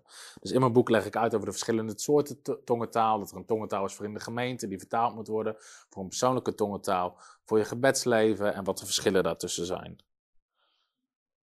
Wanneer zou een kind de Heilige Geest kunnen ontvangen? Vraagt Sabina. Al heel vroeg, weet je, kinderen ook daarvoor het boek lees. Het boek Kinderen hebben geen kleine heilige geest. Is geen boek van mij. Ik weet ook niet zo heel snel hoe de schrijver heet. Maar kan je zo vinden via Google. Misschien dat iemand even de reacties kan zetten die toch op een computer zit met Google open. Kinderen hebben geen kleinere heilige geest. Heeft een gele cover met wat kinderen erop. Uh, maar kinderen kunnen al heel vroeg vervuld worden met de Heilige Geest, gebruikt worden door de Geest van God. Uh, weet je, ik weet nog een keer, mijn vrouw en ik waren in, uh, een keer op een conferentie ergens in het buitenland. En uh, kinderen gingen dat profiteren. En mijn vrouw werd ook gigantisch geraakt door een meisje van misschien zeven jaar oud. Dat over mijn vrouw begon te profiteren. En we stonden daar in een rij ergens voor te wachten voor een, voor een conferentie. En ze lieten de kinderen uit de kinderdienst alvast profiteren over de mensen. En mijn vrouw die zei, die had iets in haar hart gezegd. Veel, heer, ik wil graag antwoord op één ding. En dat was een hele specifieke vraag. En er komt een meisje van zeven naar haar toe en die zegt, ik heb een woord van God voor je. En die profiteert exact waar mijn vrouw aan denkt en het antwoord op die vraag. Kinderen kunnen gigantisch gebruikt worden door God. De Bijbel zegt in Handelingen, hoofdstuk 21, vers 10 uit mijn hoofd, dat Filippus had zeven dochters, nog maagden. Nou, in die tijd trouwden mensen veel jonger. En er staat, en zij profeteerden. Dus die waren vervuld met de Heilige Geest. wordt wel eens ingeschat, volgens mij, dat Maria maar, maar een jaar of 14, 15 was of zo. Dus in die tijd trouwden mensen veel jonger. Dus misschien waren die dochters van Filippus. Hij had zeven dochters. Dus, en ze waren allemaal nog maagd. Dus weet ik, ik weet niet hoe oud de jongste was. Maar ze waren allemaal ongetrouwd. En die profeteerden. Dus het kan best wel zijn dat dat gewoon echt jonge kinderen waren die vervuld waren met de Heilige Geest en profeteerden. Ehm, nog een vraag over tongentaal. Kan tongentaal taal zijn van engelen? Wat is het verschil in kracht in deze talen? Ook daarvoor lees mijn boek. Ga ik op in. Wat is de Bijbelse visie over organen beschikbaar stellen na je dood? Vraagt Christine. Dat is een vraag die we vaker krijgen. Um, mijn antwoord is, mijn inzicht is, is dat ik zou daar geen enkel probleem mee hebben persoonlijk. Ik weet dat er mensen zijn die. Ik, vraag me af waar. Misschien kan iemand dat ook in de reacties, kan ik zo eens even lezen. Wat is precies het punt waar mensen moeite mee hebben om dat te doen? Omdat ten eerste vanuit christelijk oogpunt zou het een van de mooiste dingen zijn die je kan doen. Want je geeft iets weg om een ander te helpen, een ander te zegenen, een ander leven te geven, een ander gezondheid te geven. Het is ook ontzettend knap wat de medische wetenschap daarmee kan. Um, ik weet dat sommige mensen zeggen, ja, maar weet je wel, de Bijbel spreekt toch over de opstanding van de doden.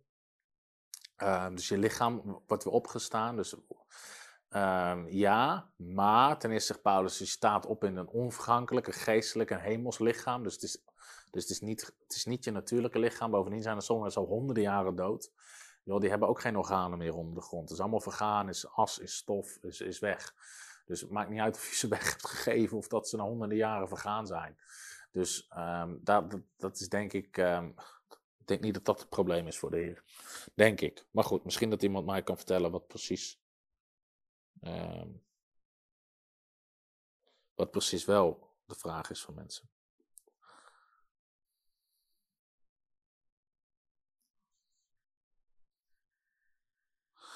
Iemand zegt.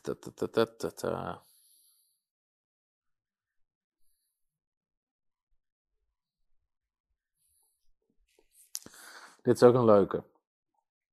Er is wel eentje om, misschien om wat beter op voor te bereiden, maar... Tom, ik luister graag naar je prediking. Je bent gedreven, bijbelgetrouw. Maar wat vind jij van het vieren van de Sabbat en de Bijbelse feestdagen in Leviticus 23? Ik ben benieuwd. Is dit een strikvraag? Omdat je me in een hoek wil hebben? Omdat jij er een hele duidelijke mening over hebt? Of ben je oprecht benieuwd wat ik ervan vind? Dat vind ik heel belangrijk met deze vraag. En Ik weet ook niet wie hem stelt, want uh, hij wordt doorgestuurd naar mij.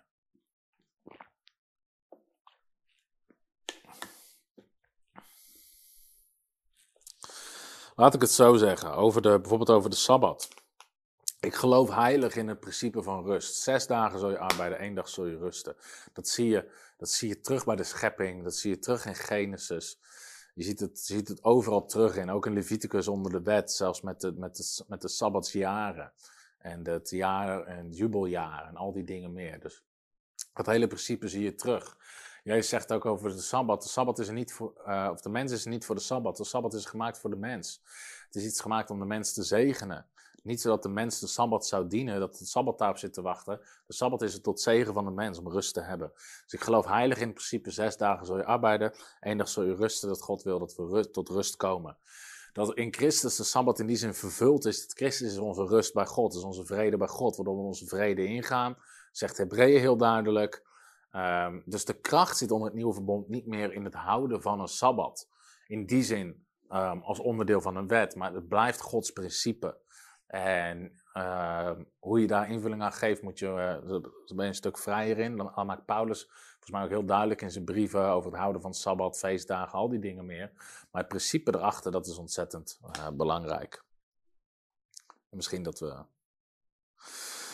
Even kijken hoor. Hoe kan ik vriendschap sluiten met de Heilige Geest? Het is gewoon heel veel optrekken met God, tijd met God, tijd in aanwezigheid van God spenderen. Door de dag heen ook gewoon met God praten over de dingen die je meemaakt. Bidden in tongentaal. Dan ga je met steeds meer zijn aanwezigheid voelen, zijn, zijn kracht. Um, ga je zijn stem beter verstaan. dan kan je echt vriendschap sluiten met de Heilige Geest. S'avonds als je op bed ligt, weet je, waar vul je je gedachten mee? Zit je nog Instagram te stories te checken? Weet je, vaak als ik mijn ogen dicht doe, begin ik gewoon meteen te mediteren op Bijbeltekst. Ik begin God gisteravond nog, ik lag op bed. En ik, en ik vroeg gewoon, heer, wilt u me hier inzicht in geven? Een bepaald vraagstuk. Ik zag er een discussie over langskomen op Facebook. En gewoon, dit, dit is gewoon heel, dit is hoe ik met God leef. In ieder geval, dus ik zei, heer, wilt u me in, inzicht over geven? Pap, pap, pap, pap. Er komen bijbelteksten in mijn geest. En, bepaalde conclusies waarvan ik weet, de Heilige Geest geeft samen. Dus het ging, ging over een bepaald thema. En de geest van God zei, oh, het, zo ervoer ik het. Dit is de lijn, dit is hoe het zit. En ik dacht, ik dacht oké, makes sense. Oké, en ik viel in slaap. Ik werd vanmorgen wakker. Uh, ik, uh, ik pakte mijn telefoon, deed mijn oortjes in en ga klaarmaken. Ga ik naar kantoor en ik zag, uh, en ik zag een preek langskomen van een bepaalde prediker van uh, Derek Prins. Ik zette die preek aan, gewoon random, gewoon over een onderwerp. En exact wat ik die avond ervoor in mijn geest had ontvangen, begint hij zijn preek mee. Wat ook helemaal niet gerelateerd was aan het onderwerp waar, van de titel van de preek. En uh, gewoon tussendoor zegt hij, wacht even hierover. Pap, pap, pap. En exact wat God die avond daarvoor in mijn geest had gedropt, toen ik de geest van God vroeg om inzicht, zegt hij in zijn preek. En meteen werd dat bevestigd. Zo heb ik vriendschap met God. Weet je, zo leef ik met God en zo, zo ervaar ik die dingen. Iemand zegt, ik vind het lastig om tienen te geven, omdat ik voor mezelf werk en nooit 100% weet wat ik aan het begin van de maand, wat ik totaal in die maand ga verdienen. Bedankt, door jou is mijn geloof gegroeid. Oké, maar mooi dat je geloof groeit. En weet je, ik zeg altijd, je kan meer doen met 90% onder Gods kracht dan 100% in eigen kracht. Als je niet zeker weet wat je per maand gaat verdienen, zou ik zeggen, wat ga je minimaal per, jaar, per maand verdienen? Geef daar je tiende over en voor de rest bedag geef dat aan het einde van de maand. Weet je, dat, dat is ook niet erg, dat is ook gewoon goed. Dus uh, daar hoeft ook niet heel wettisch in te zijn. Iemand zegt, Tom, als ik jouw filmpjes zie, lijkt het alsof je geen strijd hebt. Zoveel, zoveel van Gods geest. Heel mooi. Hoe zorg je ervoor dat je dit ook zo volhoudt in een relatie met je vrouw? Ben je ook zo thuis in situaties? Nee, thuis lig ik uren te huilen en, te, en ijs te eten. Nee, nee, nee, grapje.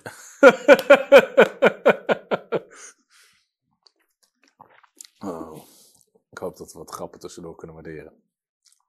Uh, ik wil je aanmoedigen om mijn uh, preek te kijken. Omgaan met tegenstand en tegenslag. Daar, ik heb twee preken die hier. Ik heb wel meer preken, maar een aantal. Ik, heb ook trouwens een serie over sterk in de Heer. Die heb ik ook ooit een keer gedaan. Uh, drie prekenseries, die gaan hierin helpen. De eerste is de meest recente. Omgaan met tegenstand en tegenslag. En ik zeg dit nederen, laat, laat ik er zoiets over zeggen. Ik heb een preek, het geheim van wandelen in constante kracht. Staat op YouTube. En sterk in de Heer. Omgaan met tegenstand en tegenslag. Het geheim van wandelen constante kracht. En, om, uh, en sterk in de Heer.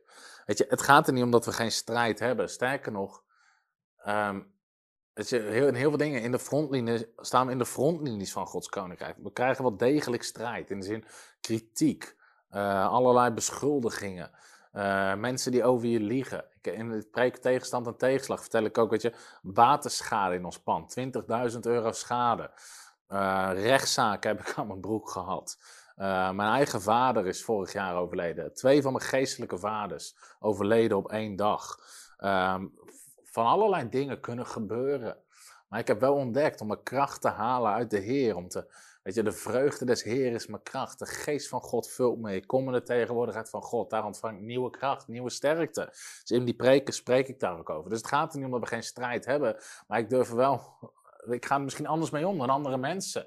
Ook vanuit mijn relatie met God. En weet je, soms hoor ik mensen dat die zitten, weet je, die zeggen, ja, ik zit in een dal. En dan hoor ik waar je mee te maken hebt. En denk ik, joh, sorry, stop met zeuren.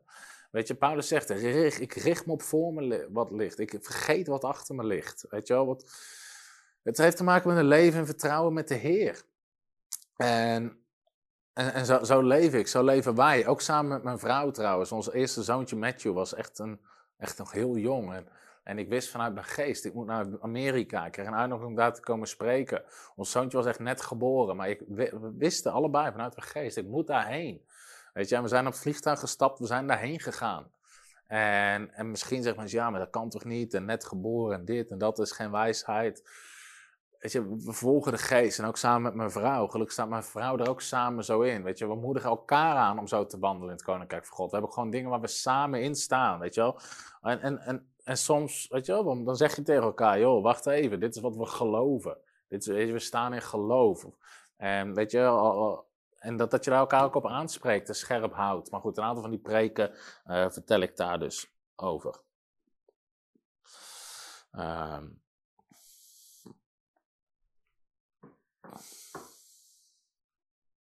even kijken hoor.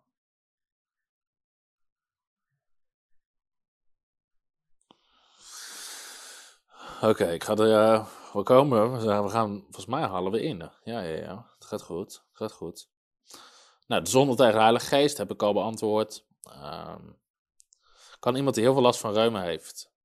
Ik heb mijn hand opgelegd, de pijn weggestuurd, hij is niet genezen. Soms moet je eerst de geest wegsturen. Is de geest van zwakte? Ja, reuma is heel vaak een geest. Reuma zit ook vaak verbonden aan verbitterdheid. Dus eh, kijk even of dat de onverenigingsgezindheid, wat dan ook, of diegene nog mensen moet vergeven. En reuma is dus heel vaak een demonische geest van een geest van pijn, geest van zwakte of een geest van reuma. Um, en dat gaat je echt helpen om daarin resultaat te krijgen.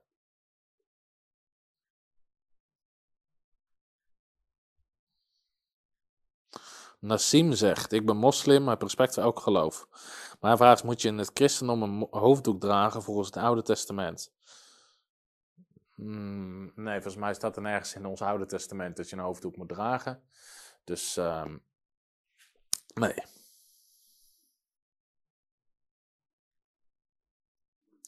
Ja, iemand zegt dus, de moeite die ik heb bij het geven van organen is dat de artsen zeggen dat je in diverse gevallen nog niet dood bent, wanneer je organen al verwijderd worden.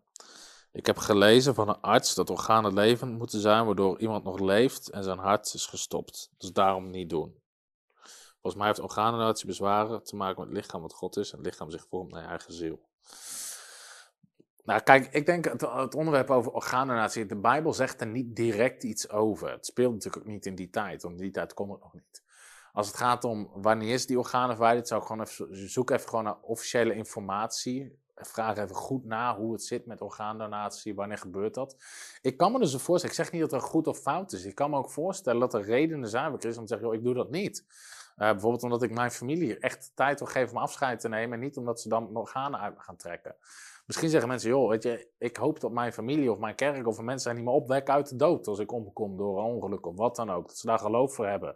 Nou, dat is lastig als ze allemaal organen aan het uittrekken zijn. Nou, dat kunnen prima argumenten zijn om te zeggen van, joh, ik doe dat niet. Dus ik wil ook niet zeggen, er is een goed of fout, laat ik het zo zeggen. Doe waar je zelf vrede mee hebt. Ik geloof niet dat de Bijbel er direct iets over zegt. Uh, het lichaam is van God ja, het lichaam blijft van God ook, ook van een andere persoon. Dus, dus, dus zeg maar, de direct zegt de Bijbel daar niks over. Behalve het lichaam is gewoon stoffelijk, is materieel. Dus eh, de geest, zegt de Bijbel, de geest is van God. En, en, en, natuurlijk is je lichaam ook een tempel van de Heilige Geest. Ik snap al die dingen. Uh, maar goed, ik denk dus niet dat vanuit het woord van God directe bezwaren tegen zijn, laat ik het zo zeggen. Iemand zegt, ik ben lid van een reformatorische kerk, maar God is met me bezig en er gebeuren wonderlijke dingen, ontmoetingen. Mijn verlangen is om de Heilige Geest in mijn kerk te krijgen. Als je begrijpt wat ik bedoel. Heb je wel eens gehoord of dit ook in andere reformatorische kerken is gebeurd? Iemand anders vraagt, ontvang je pas de Heilige Geest wanneer je gedoopt bent of heeft dat niks met de doop te maken? Over het ontvangen van de Heilige Geest, ook lees dit boek, staat gratis in onze webshop. Hier ga ik ook diep in op het ontvangen van de Heilige Geest, de doop in de Heilige Geest en wat het betekent wat de link is aan de doop, wat wanneer gebeurt. Dus gratis dit boek in onze webshop. Over de vraag over de reformatorische kerk. Ik ben benieuwd, je hoeft niet te namen, wat voor soort reformatorische kerk, gereformeerd het gewoon leuk om te weten. Nou, ik denk, weet je, de geest van God wil wat dat betreft werken in iedere kerk. Dat is namelijk zijn verlangen om overal te werken. Het is ook schitterend om te horen dat er mooie, bijzondere, bovennatuurlijke dingen gebeuren. Ik denk wel dat het heel lastig is om. Uh, laat ik zo zeggen. Ik geloof dat je meer van de Heilige Geest in je kerk kan krijgen. Zeker in de studiegroepen, als een studie naar gedaan wordt, als daar openheid voor is. Tegelijkertijd geloof ik wel dat het heel lastig is om een kerksysteem te veranderen. Ik heb traditionele kerken gezien waar de geest van God machtig begon te werken.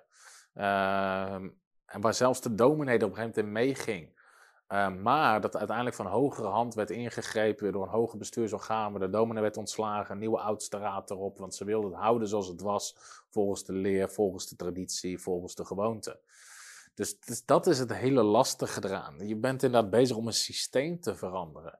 En de vraag is dan dat, ja, weet je, is, ten eerste is dat de bedoeling. Um, dat is iets anders. Je zegt, joh, weet je ik, ik wil gewoon de mensen die ik daar moet, de mensen die ik daar ken, wil ik meer meegeven wat ik ervaar, hoe ik dingen zie. Dat kan zeker. Ik heb nog niet meegemaakt dat hele kerken omgaan. Um, soms komt er wel meer ruimte in een kerk, maar dat hangt heel erg af van staat inderdaad het leiderschap in die kerk, staat dat open om mee te bewegen of niet. En anders is het misschien hard, maar dan leert wel ook, dan schud je het stof van je voeten. Zelfs de discipelen deden dat als ze in steden kwamen, plekken kwamen waar mensen niet wilden luisteren. Waarom? Ik geloof ook niet, en dat, dat, daar wil ik duidelijk over zijn, maar wel liefdevol. Ik geloof niet dat de bedoeling is dat. Uh, soms, laat ik het zo zeggen, soms hoor ik mensen zeggen. Ja, ik zit, in, uh, weet ik, ik zit in deze traditionele kerk en ik ben echt aan het proberen om mijn kerk te veranderen. Dus die mensen gaan met allerlei mensen afspreken en die gaan, andere, die gaan dingen onderwijzen waar zij zijn ontdekt. En, en misschien een eigen huisgroep te starten. En, en, en uh, maar op een gegeven moment zijn de dominees of de oudsten zijn het er niet mee eens, of de ouderlingen of de oudste raad, hoe dat ook heet. En die vragen of diegene daarmee wil stoppen of, of wat dan ook. Er ontstaan discussies, gedoe. En soms zeggen mensen, ja, maar ik ben ook, weet je wel, ik wil echt mijn kerk veranderen. Ik snap het hartsverlangen van die mensen, want die gunnen iedereen wat zij hebben meegemaakt met de Heilige Geest, met God, de nieuwe inzichten die ze hebben gekregen. Maar ik geloof niet dat het jouw positie is om proberen van onderaf een kerk te veranderen. Want als iemand dat in een Pinksterkerk, een evangelische kerk, een charismatische kerk zou doen, zouden we dat ook heel vervelend vinden. Als er gewoon iemand, een gemeentelid, een eigen groep gaat starten, daar zijn eigen dingen gaat onderwijzen, wat tegenin gaat, wat het leiderschap gelooft, allerlei discussies gaat voeren en gewoon zijn eigen ding gaat doen. Ik geloof niet dat dat het hart van God is om het zo maar te zeggen, dat is iets anders nog als je gewoon gesprekken hebt, relatie met mensen. Je kan mensen aansporen, aanvuren, dat is mooi. Maar proberen van onderaf het systeem te veranderen is vaak niet gezond. Ik geloof niet dat het in het hart van God is. Maar de kerken kunnen natuurlijk wel degelijk open gaan staan. Het ligt heel erg aan in hoeverre ze dezelfde ruimte aan geven. Dus ik hoop dat ik daarmee een beetje je vraag beantwoord.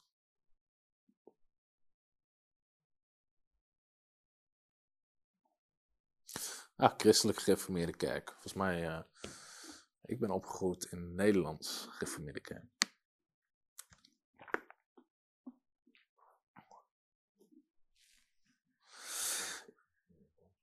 Hm? Ja. Um, hoe hou je het beste twijfel die je soms bekruipt weg uit je, weg uit je hart? Um, kijk, alle twijfel heeft inderdaad gewoon te maken met, joh, je vult je, je, vernieuwt je denken. Iedere keer als je merkt dat er twijfel komt,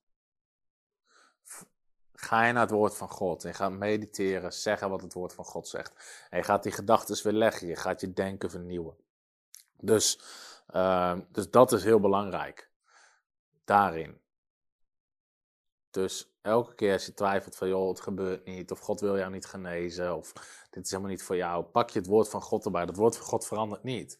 En dat lees je en dan mediteer je op. Je zoekt teksten waar je het mediteert, net zolang tot je je denken vernieuwt. En het kan een proces zijn, omdat ons oude denken zit soms flink ingeprogrammeerd, maar langzaam en zeker schakel je om naar een nieuw denken. Oké, volgens mij heb ik heel veel vragen gehad. Ik zie nog een vraag over zelfbevrediging. En of ik daar tips voor heb? Daar zou ik natuurlijk een hele foute grap over kunnen maken. um, en.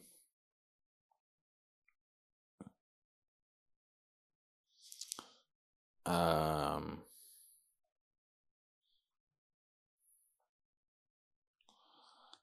en ik had natuurlijk nog vragen over de wederkomst. Ik denk dat ik, als ik je vraag ben vergeten, stel hem even opnieuw. Oké? Want ik wil wel wat uh, dingen. Eerst, hoe moet je als man omgaan met zelfbevrediging? Nou, ik denk dat wat heel belangrijk is, is om, om, om daarover aan te halen. Soms willen mensen afkomen van bepaalde dingen, bepaalde issues in hun leven. Wat ik vaak merk is dat.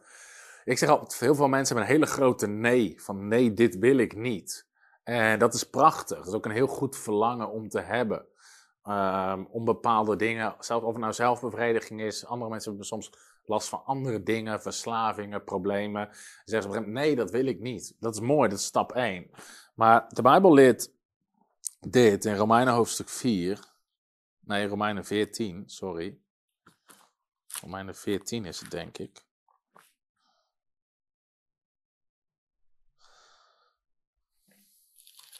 Of is het Romeinen 12?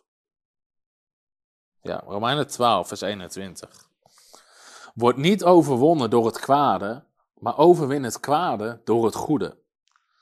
In vers 9 staat: Laat de liefde echt zijn. Heb een afkeer van het kwade. Hou vast aan het goede.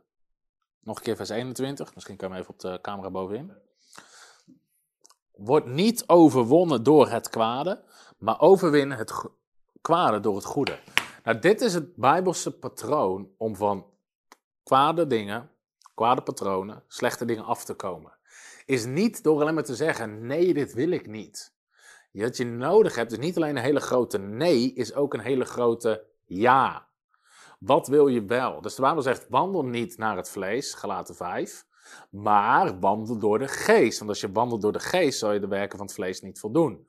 Dus de focus ligt niet op keihard niet wandelen naar het vlees. Dit mag niet, dit mag niet, dit mag niet. Dat was de wet. We leven niet meer onder de wet. We zijn vrijgekocht van de wet. Maar nu leven we naar de geest. Dus je begint te leven met de geest. En het gaat veel meer over wat mag wel. En wat is wel goed. En daarom zegt Colossens hoofdstuk 3. Nu je met Christus bent opgewekt. Bedenk dan de dingen die boven zijn. Die eerbaar zijn. Die heilig zijn. Die waardig zijn. Dat soort dingen. Dus het gaat erop. Waar focus je op? En als jij erin slaagt om je focus te zetten op de geest, op het woord van God, op dingen die eerbaar zijn, dan zie je dat die andere dingen vanzelf naar de achtergrond verschuiven en veel minder kracht en uit je leven verdwijnen. Dus ik heb wel vaak gehoord mensen zeggen, ja, maar nee, dit wil ik niet meer. Of zelfbevrediging, of, of drugs, dranks, verslavingen, liegen, wat dan ook. Dan zeg ik dat is hele mooi. Dat is, heel, dat is een hele mooie stap. Eerste stap. Nee, dit wil ik niet. Maar wat wil je wel? Oké, ik wil leven in de tegenwoordigheid van God. Ik wil leven met de Heilige Geest. Ik wil wandelen met de vrucht van de Geest. En begin daaraan. Begin daarmee te bouwen. Dus begin met tijd met God te houden. Begin dat soort patronen op te bouwen. Want dan ben je niet iets uit je eigen kracht niet aan het doen. En hoe meer je gevuld wordt met de geest, hoe voller je wordt van de geest, hoe meer je bezig bent met dat soort dingen, hoe meer je denken vernieuwt. Het andere neemt gewoon af aan kracht. En daarom zegt de Bijbel, je oude mens is gestorven. De hele verlangen neemt af, sluit eruit. Slijt eruit. Daarom zegt Paulus ook, je kruisigt je vlees. In Galaten hoofdstuk 5, kruisdood. Wij willen het liefst een pistool en bam, schieten, vlees is dood, klaar, geen last meer van.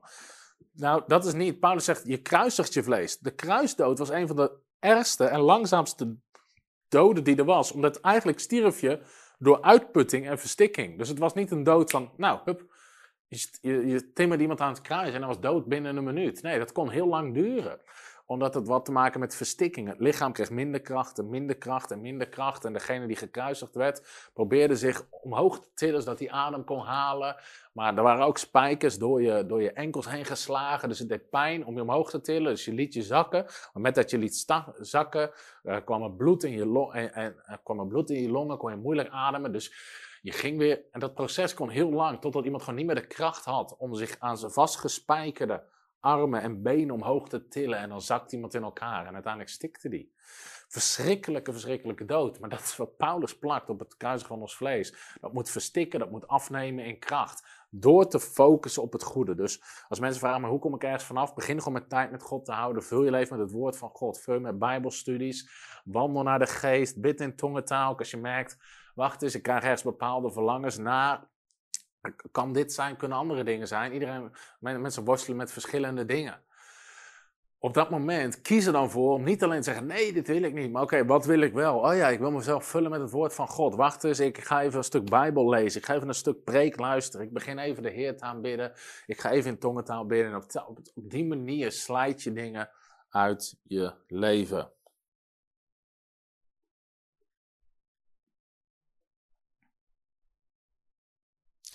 Dus ik hoop dat dat helpt.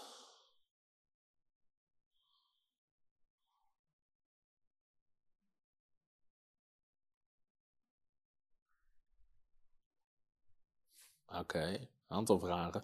Sommige vragen zijn niet helemaal duidelijk voor mij.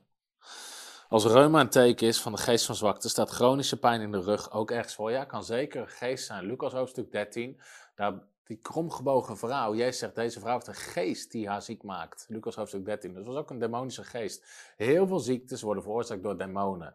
De Bijbel zegt altijd, Jezus genas een zieke en hij dreef een demonen uit. Ging hand in hand bij Jezus. Dus heel veel ziekte wordt veroorzaakt door demonie. Dus kan absoluut ja. Kun je de persoonlijke belofte van God in proces door twijfel breken? Ja. Inderdaad, Petrus liep over water, hij twijfelde en hij zakte. Het volk van God komt niet in het beloofde land, dus het kan. Maar ik, ik snap de vraag niet. Dus ja, dat kan degelijk, ja, absoluut. volgens mij geef je zelf wat antwoord. Met twee voorbeelden erbij. Dus. Als je gevoel onderschikt is aan de geest, wat doe je met je gevoel tijdens dromen? dromen bestaan niet zozeer uit gevoel, dat is natuurlijk ook een ervaring die je hebt. En daarom moet het gewoon gebaseerd zijn op het woord van God. Want alles is terug te vallen als goed op het woord. Wat zegt het woord? Komen dingen uit? En dan nog steeds is het belangrijk om niet te wandelen naar gevoel, maar naar gewoon wat het woord van God zegt. Of ik begrijp je vraag helemaal verkeerd.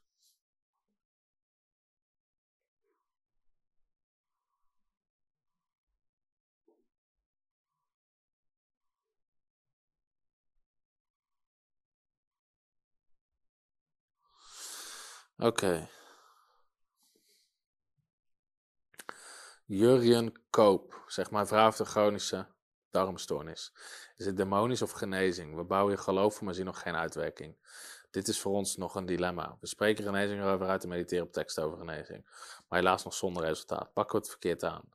Nee, ik denk dat je het helemaal niet verkeerd aanpakt. Kijk, mijn ervaring, ik schrijf er ook over in mijn boek Jezus aanraken. De grootste kracht op het dat we mediteren op het woord van God, dat het in één keer een openbaring wordt. En met dat een openbaring wordt, zit er in één keer geloof achter. En ik beschrijf bijvoorbeeld ook in mijn boek dat zelf had ik een tijd lang ergens last van. Ik, en ik kwam er niet zo snel vanaf. En ik ging mediteren op, op Isaiah 53. En mediteren en mediteren. En op een gegeven moment had ik een openbaring.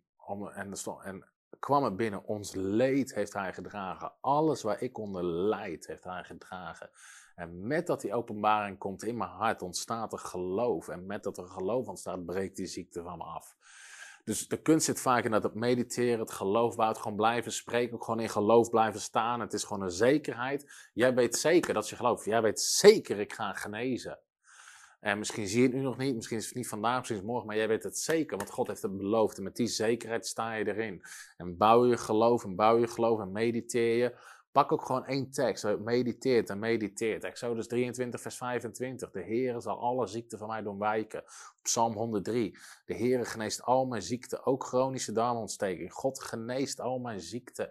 En je leest dat en je leest dat en dan begin je God te prijzen. Heer, dank u wel dat u geneest alle ziektes. U geneest ook chronische darmziekten. U geneest al mijn ziektes. U geneest, u geneest. En met dat die openbaring komt, bam, breekt ziekte van je af. Dus de kracht zit in het mediteren. In het Engels kan je zo mooi zeggen, it's meditation until that revelation. Mediteren totdat er openbaring komt en geloof komt. En dat doet zo gigantisch veel.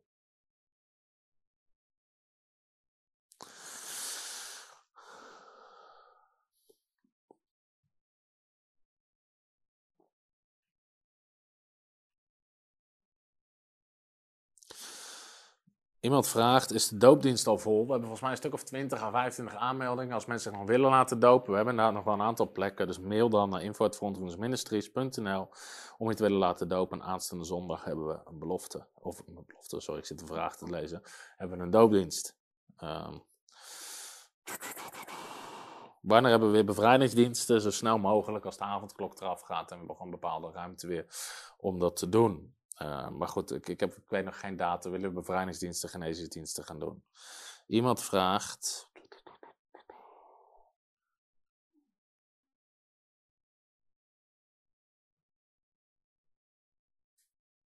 Goeiedag. Ik denk dat we straks wel redelijk gaan afronden. Gerrit Zwart zegt: Hoe kijk je naar rijkdom en leven als discipel? Lucas 12 zegt: Verkoop al je bezittingen, geef het als Amos. Staat dat haaks op de rijke evangelist? Is dat oké? Wanneer wel, wanneer niet? Nou, Gerrit, is een hele goede vraag. We hebben een video, we hebben twee video's. Wat zegt de Bijbel over prosperity gospel? En wat zegt de Bijbel over geld en rijkdom? Kijk, er zijn namelijk het zijn twee dingen ook. Nou, kijk, aan de ene kant inderdaad zegt Jezus, geef je bezit weg. Aan de andere kant zegt Paulus, wie zegenrijk zaait, zal zegenrijk oogsten. Dus als je het weggeeft, komt het ook weer terug. Ik denk, maar Jezus zegt in Marcus hoofdstuk 10, iedereen die alles achterlaat, zal in dit leven nog honderdvoudig terug ontvangen van wat hij gegeven heeft, zegt Jezus. Dus Jezus is er niet op uit dat wij helemaal geen spullen zouden hebben. Hij is erop uit dat spullen ons niet hebben. En zelfs de beproeving met de opdracht die hij blijkbaar gaf aan mensen om alles weg te geven, maar wel weer met de belofte in Marcus hoofdstuk 10 dat, hij het weer terug, dat God het weer teruggeeft aan je. Dus dat is een soort paradox, zeg maar. We moeten dat zien in het hele licht van het onderwijs van Jezus en het onderwijs van de Bijbel. Er staan die twee video's. Wat zegt de Bijbel over geld en rijkdom? Dat geeft je een veel beter Bijbels kader van, van de, breedte van het onderwerp. En wat zegt uh, de Bijbel over prosperity gospel? Wat je zegt over rijke evangelisten. Even kijken hoor. Staat dat haaks op de rijke evangelisten? Is dat oké? Wanneer wel, wanneer niet? Nou, kijk, ik weet een aantal dingen over. Kijk, in Nederland is dat niet zo. In Nederland is het niet heel makkelijk in die zin om rijk te worden van het evangelie. Uh, dat, ik ken ook weinig mensen die, dat maar, die, die zeg maar evangelist worden van nou, dan heb ik in ieder geval een goede baan. Nou, zo wordt er in Nederland niet tegenaan gekeken. Zo ervaren de meeste mensen dat ook niet. De meeste mensen die ik ken in bediening hebben het wat dat betreft ook niet breed. Maar ik geloof wel dat God wil goed zorgen voor zijn kinderen en ook voor zijn dienstknechten. Um, tegelijkertijd geloof ik niet dat het evangelie een middel is tot zelfverrijking van een evangelist. Laat ik dat maar zo zeggen. Dus je mag ervan kunnen leven, zegt Paulus ook. Zij die het evangelie prediken, kunnen horen te leven van het evangelie. Dus ik geloof ook niet dat de bedoeling is dat mensen daar, daarvoor in armoede leven. Je, toen Jezus zijn discipelen uitzond en ze kwamen terug, Lucas 22, vroeg Jezus, heeft u een iets ontbroken toen ik jullie uitzond? Zeiden nee, Heer, aan niets. Dus ze hadden totaal geen gebrek in hun leven toen ze uit werden gezonden door Jezus. Dus blijkbaar is dat ook de wil van God. Dat we helemaal geen gebrek hebben als we werken voor Gods koninkrijk. Tegelijkertijd, nogmaals, geloof ik dat het niet de bedoeling is om het te gebruiken als zelfverrijking. Waar het misgaat, en dat is niet mijn, mijn, mijn ervaring, laat ik zo zeggen, is dat niet in Nederland, maar het misgaat soms in het buitenland, is dat bijvoorbeeld van alles wat binnenkomt, zijn tiende voor alleen de voorganger of voor alleen de evangelist. Dus sommige van die Amerikaanse bedieningen draaien, weet ik veel, 30, 40, 50 miljoen komt er binnen per jaar. En, en 10% daarvan, uh, plus soms nog de sprekersvergoedingen, zijn voor de evangelist. Dus die, weet, weet ik veel, die gaat met miljoenen en miljoenen naar huis. Aan de andere kant is het niet aan mij om daar per se een oordeel over te vellen. Ik kan wel bepalen, joh, wil ik daar aan geven of wil ik daar niet aan geven. Dat model wat zij hanteren. Tegelijkertijd weet ik ook wel van een aantal mensen waar veel kritiek op is. Bijvoorbeeld een Joyce Meyer en een, en een Joel Osteen. Is dat zij juist geen euro ontvangen van hun bediening of van hun kerk. Waar zij hun geld mee verdienen is de boeken die ze schrijven. En Amerika is een land wat uh, hoeveel, twintig keer uh, of, uh, twintig keer zo groot is, misschien wel als Nederland. Een paar honderd miljoen inwoners. En um, hun boeken worden miljoenen en miljoenen keren verkocht over heel de wereld en gelezen. Dus als zij een boek schrijven, verdienen ze daar miljoenen mee. En, en, en van, gewoon van de royalties van de uitgevers kunnen ze gewoon makkelijk, makkelijk leven en nog veel geld hebben ook. En soms zeggen mensen, ja, maar kijk joh, dit, joh die, heeft, die, heeft, die woont in een huis van een miljoen of van twee miljoen. Ja, oké, misschien, maar misschien heeft diegene heeft hij wel 30 miljoen verdiend met zijn boeken. En heeft hij daarvan 25 miljoen weggegeven? Je weet het niet. Dus we kunnen niet oordelen over dat soort dingen. En dat wordt heel vaak gedaan op basis van uiterlijke kenmerken. En ik geloof ook niet dat dat de bedoeling is. En um, dus ja, goed, dat zijn even een paar verschillende gedachten ook die, die ik daarover heb, waarvan ik denk wat belangrijk is ook.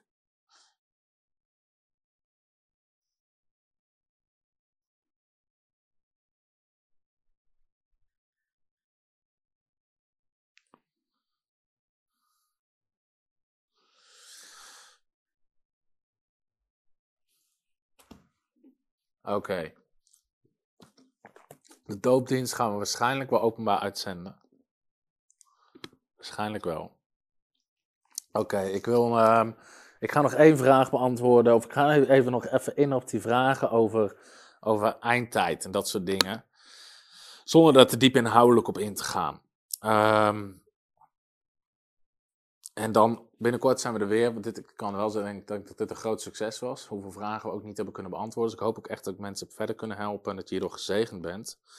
Uh, even kijken, waar kwamen er een aantal tussen?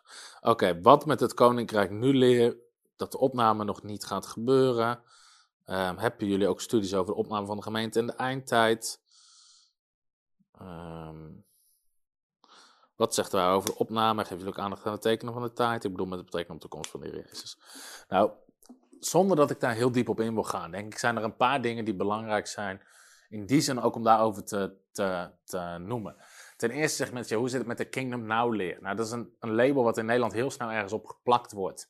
En je moet altijd heel voorzichtig zijn met labels plakken. Want als je ergens een label op plakt, dan dat haalt alle discussie en gesprek weg. Terwijl dus Kingdom Now is een label wat mensen hebben verzonnen. En weet je, Koninkrijk nu. Ja, het, met alle respect, lief met het Koninkrijk is er nu. Want Jezus zegt, zoek eerst het Koninkrijk. Als het er niet is, kan je, het zou een hele rare opdracht zijn. Jezus zegt, het Koninkrijk is onder u. Jezus gaf onderwijs over het Koninkrijk van God. De Bijbel zegt in Colossense 1 vers 13, we zijn overgezet van het Koninkrijk van de duisternis naar het Koninkrijk van het licht. Dus het Koninkrijk is er nu. En de Bijbel spreekt ook over in de toekomst het Koninkrijk van God. En het aanbreken volledig van Gods Koninkrijk. En over een nieuwe hemel en een nieuwe aarde. we moeten oppassen dat we het een helemaal afschieten vanwege uitschieters. Dus we moeten het niet dingen afschieten vanwege uitschieters. Dat is heel belangrijk. Um, dus probeer ook weg te blijven van labels en dat soort dingen. Want dat maakt, maakt een gesprek over een bepaald thema ook heel lastig. Ik heb ook ontdekt dat sommige, uh, sommige van die dingen, er zitten ook, zitten ook prachtige kernen van waarheid in, waar we iets mee moeten. We moeten niet het kind met het badwater weggooien. Dus ik denk dat dat heel belangrijk is. En uh, dus ik weet ook niet precies wat mensen altijd met het hele label Kingdom Now bedoelen. Omdat er ook weer allerlei visies over zijn. Iedereen geeft daar weer zijn andere. Ik denk dat mensen een heel mooi verlangen hebben. Al willen ze hier op aarde meer en meer het koninkrijk zichtbaar zien worden. En posities innemen in de maatschappij om Gods koninkrijk zichtbaar te laten worden. Net zoals een Daniel, een Jozef, uh, dat, dat deden. Uh, dus ik denk dat, dat dat is ook schitterend, weet je. En dan hoeven we ook niet af te schieten. En oké, misschien zeg je, ja, nou, maar die mensen geloven dat we hier helemaal op aarde Gods perfecte koninkrijk gaan bouwen. En dat geloof ik niet. Nou ja, prima, ik geloof dat ook niet. Uh, maar ik denk dat we nog steeds op een gevallen aarde leven. En dat er een nieuwe hemel en een nieuwe aarde komt. Maar, oké, in ieder geval, weet ik veel. Ze doen blijkbaar mooie dingen. Ze hebben hele mooie verlangens. Dus ik denk, dat, weet je, we moeten ook zoeken naar manieren waarop we elkaar kunnen eren. Soms dat, zonder dat we mensen helemaal afschieten als valse profeten en dwaalleraren. Kijk eens naar het verlangen van die mensen. Eh, en, en ik, kijk naar het hart. Ik denk dat dat heel belangrijk is. En ik ga binnen, binnenkort een keer met mijn vrouw ook een uitzending doen. Mijn vrouw wil het graag ook over kritiek, valse profeten, misleiding. Hoe ga je daarmee om? En wat zijn de beschuldigingen? Um, even kijken. Um, dus iemand vraagt, ja, maar hoe zit het dan met de mensen die niet geloven dat de opname al heel spoedig komt? Nou, ik denk dat Um, kijk, dit is het lastige met ook de tekenen van de tijd, waar mensen naar vragen. Mensen zeggen, weet je, hoe zit het dan met de... Um, een van de dingen die heel aangehaald was, bijvoorbeeld, hoe zit het dan met de oorlogen? Hè? Er zijn nu toch oorlogen? Of hoe zit het dan met de besmettelijke ziektes, met de, uh, hoe zit het met de plagen? Weet je, dat spreekt Jezus toch over Matthäus 24, dat zien we nu toch ook? Ja, dat klopt. Um, maar met alle respect, um, we leven in de tijd waarin de minste oorlog ooit was. Weet je We komen uit de tijd waar de Tweede Wereldoorlog was, de Eerste Wereldoorlog, de 80-jarige oorlog, de 100-jarige oorlog, allerlei gigantische oorlogen. Daarvoor, weet je, in de geschiedenis van de mensheid, gigantische oorlogen waar miljoenen, miljoenen, miljoenen mensen sneuvelden. En, um, en ook qua besmettelijke ziektes, met alle respect, um, in die zin, maar corona is een lachertje vergeleken met ziektes die vroeger rondgingen, zoals de, zoals de pest, waar een hele bevolking, de helft gewoon stierf. Verschillende werelddelen, allerlei pesten, waar gewoon gigantisch veel mensen. Dat gebeurde honderden jaren terug al. Dus wat dat betreft is het ook niet heel makkelijk om te zeggen van nou kijk hier en daar dus nu dit. Dus je kan ook niet, met, en dat zeg ik met, nogmaals, dat zeg ik met heel veel respect, maar je kan niet jouw visie dat de opname binnen nu en een paar jaar gaat gebeuren op iemand plakken en vinden, iemand moet dit toch ook geloven, want de Bijbel zegt dit dat zijn ook dingen die, waar, dus, waar blijkbaar best wel over gespeculeerd kan worden. En kijk, ik denk als het gaat over eindtijd, iemand vraagt waarom, of, of doen jullie studies over eindtijd? En over um, eindtijdleer, of wat was precies de vraag? Tekenen de tijd. Um, nee, ik doe dat niet. En de reden daarvoor is omdat dat niet mijn roeping is. Dat is niet mijn plek in het lichaam van Christus. En um, op onze part-time bijbelschool heb ik wel lesgegeven over het boek Openbaring, op het boek op zich, in de theologielessen, in de logoslessen. Maar kijk, wat je moet begrijpen qua, qua bediening is dat een bediening krijgt van God een boodschap en een opdracht. Johannes de Doper had een specifieke boodschap. Je, Petrus werd gezonden als apostel aan de heidenen met een specifieke boodschap. Paulus, uh, sorry, Petrus aan de Joden, Paulus aan de heidenen specifieke bedieningen met een specifieke boodschap. Ook de profeten uit het Oude Testament kregen een eigen boodschap.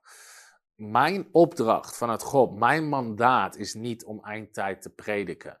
Maar het mandaat wat ik ervaar vanuit God is om geloof te preken, genezing, Heilige Geest, kracht van God, gaven van de Geest.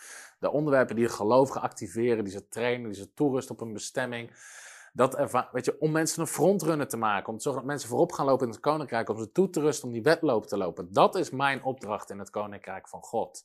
Dat is waar God mij openbaring over geeft, dat is waar God over spreekt op mij, dat is waar ik mee bezig ben.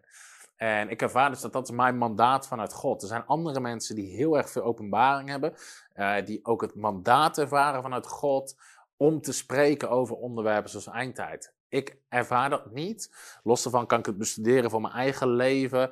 Uh, prima, maar het is niet mijn opdracht vanuit God om dat neer te zetten voor het lichaam van Christus. Dus daarom, dat is de reden dat ik dat niet doe. Weet je, ik, ik wil wandelen in de laan die God voor mij heeft in de wedloop. En misschien dat op een gegeven moment dat ik ervaar dat ik daar ook over moet spreken. Dat is nu in ieder geval niet zo. Dus ik wil gewoon stay in my lane. Wij spreken, Billy Graham predikte heel zijn leven lang wat dat betreft hetzelfde. He stayed in his lane. Dus we moeten allemaal weten wat is het mandaat, wat is de opdracht die God mij heeft gegeven. En daar, moeten we, daar moet iedereen in blijven. En dus dit vind ik ook, en ik denk dit moet in het algemeen wel iets zijn. Kijk, in Handelingen hoofdstuk 1 is een hele bekende tekst, maar dat je, zo, zo ervaar ik ook dingen. Ook als het gaat om wanneer gaan die dingen plaatsvinden. Handelingen 1, dat wilden de discipelen ook weten. Handelingen 1 vers 4. Nee, handeling 1 vers 7. Vanaf vers 6, daar staat dit.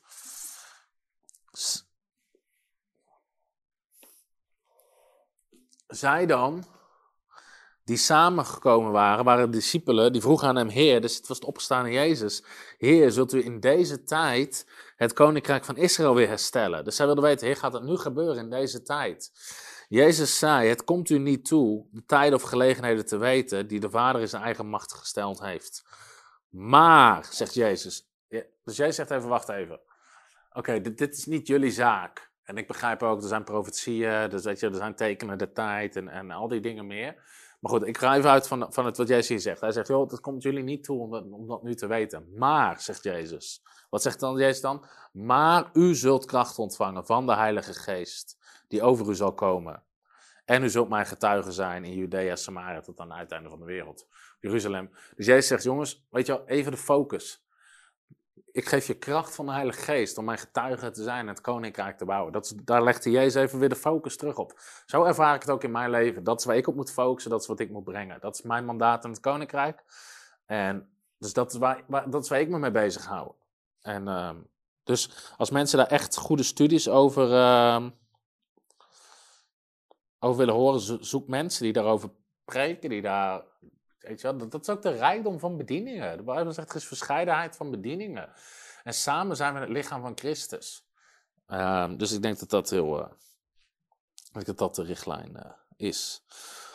Even kijken hoor. We hebben nog. Ehm, nou goed, ik heb in ieder geval heel veel eh, heel veel vragen beantwoord. Ik hoop dat dit je gezegend heeft. Ik hoop ook echt oprecht dat onze bediening een zegen voor je is. Met onze boeken, met onze uitzending, met onze vragen- en antwoord sessies. Nogmaals, als je gezegend wordt door frontrunners, je wordt opgebouwd in geloof, je wordt verder geholpen, wil ik je vragen om partner te worden. Help ons mee om nog meer mensen te bereiken, nog meer mensen toe te rusten, nog meer vrucht te dragen voor het Koninkrijk van God. Help ons om meer mensen toe te rusten om die wedloop te lopen. Laten we frontrunners creëren in Nederland die voor Gods Koninkrijk gaan. En dat we steeds meer van Gods Koninkrijk, van Gods heerlijkheid zien in ons land. Dus als je ons wil helpen om mensen daarvoor toe te rusten, wil ik je vragen, word partner voor frontrunners. Ik zei al, we zijn bezig ook met een nieuw gebouw. Ik weet niet of we zo meteen een promofilmpje kunnen laten zien. Hebben we die bij de hand? Ja? Ja, ja uh... Eh, nou, in ieder geval, we zijn bezig met een nieuw gebouw ook. En het helpt ook gewoon ontzettend als mensen partner worden, zodat we daar stappen in kunnen zetten. Dus ik wil je vragen, als je nog geen partner bent, word partner. Ga naar www.frontrunnersministries.nl. Word partner van Frontrunners. Geef iets wat jou, uh, wat, waar jij God mee eert, wat ik al zei. Eer de Heren met je bezit. Dus Geef iets waar jij God mee eert. Ik heb hier al iets over gezegd, maar de Bijbel zegt: laat hij die onderwijs graag delen van al het goede wat hij bezit met hen die onderwijs geeft. Dus je gezegend wordt door onze bediening, geef iets wat God eert in jouw situatie. Nogmaals, het zou gigantisch fijn zijn als je partner wil worden. Uh, maar je kan ook natuurlijk een eenmalige gift geven. Als je partner wordt vanaf 25 euro per maand, krijg je een account of kan je een account aanmaken op www.bijbelschool.tv. Kan je onze hele part-time Bijbelschool volgen. Als zegt, hey, ik wil nog veel meer van dit soort onderwijs. Misschien ben je partner, wil je partnerschap ophogen. Uh, of je kan ook 1K partner worden. Als je zegt, ik wil 83 euro of meer per maand geven. Dan ben je, uh, geef je meer dan 1000 euro, of geef je 1000 euro per jaar. Dat zijn allemaal mogelijkheden. Je kan je tiende geven aan frontrunners. Ik wil je vragen, saai in het werk van Gods Koninkrijk. Laten we samen Gods Koninkrijk bouwen in Nederland. Ik zeg al, we zijn ook bezig met een nieuw gebouw. Dus die slide mag je even laten zien. We zijn bezig met een gebouw waar we een voltijd bijbelschool in kunnen. Um, kunnen bouwen waar we conferentie met meer dan duizend mensen kunnen doen, waar we 30 kantoorplekken hebben. We hebben nu in ons huidige pand maar 12 videostudio's, uh, twee woningen voor interne studenten, opslag waarvan we al onze boeken kunnen verspreiden. Dus als je mee wil helpen om het Koninkrijk van God te bouwen en ook dit soort gebouwen ter beschikking stellen, zaai je zaad, word partner, bouw mee. Ik wil je hartelijk bedanken, ik wil je God zegen wensen en ik zie je graag de volgende keer weer bij Voice of Faith of in een van de diensten. God zegen. Hallo, Tom de Wol hier en bedankt dat je weer geluisterd hebt naar onze podcast. Ik bid dat het je geloof gebouwd heeft en je bemoedigd bent. Als je niet alleen een luisteraar van onze boodschap wil zijn, maar ook een verspreider daarvan, wil ik je uitnodigen om partner te worden van Frontrunners. Door jouw maandelijkse donatie help je ons om dit evangelie van Jezus Christus en het woord van God over heel de aarde te brengen. Om partner te worden ga naar www.frontrunnersministries.nl slash partners en word partner. Hartelijk bedankt en tot snel. Heb je ook zo genoten van deze inspirerende boodschap van Tom de Wal? Abonneer je dan op deze podcast. Volg ons op Facebook en op Instagram en kijk op onze website frontrunnersministries.nl.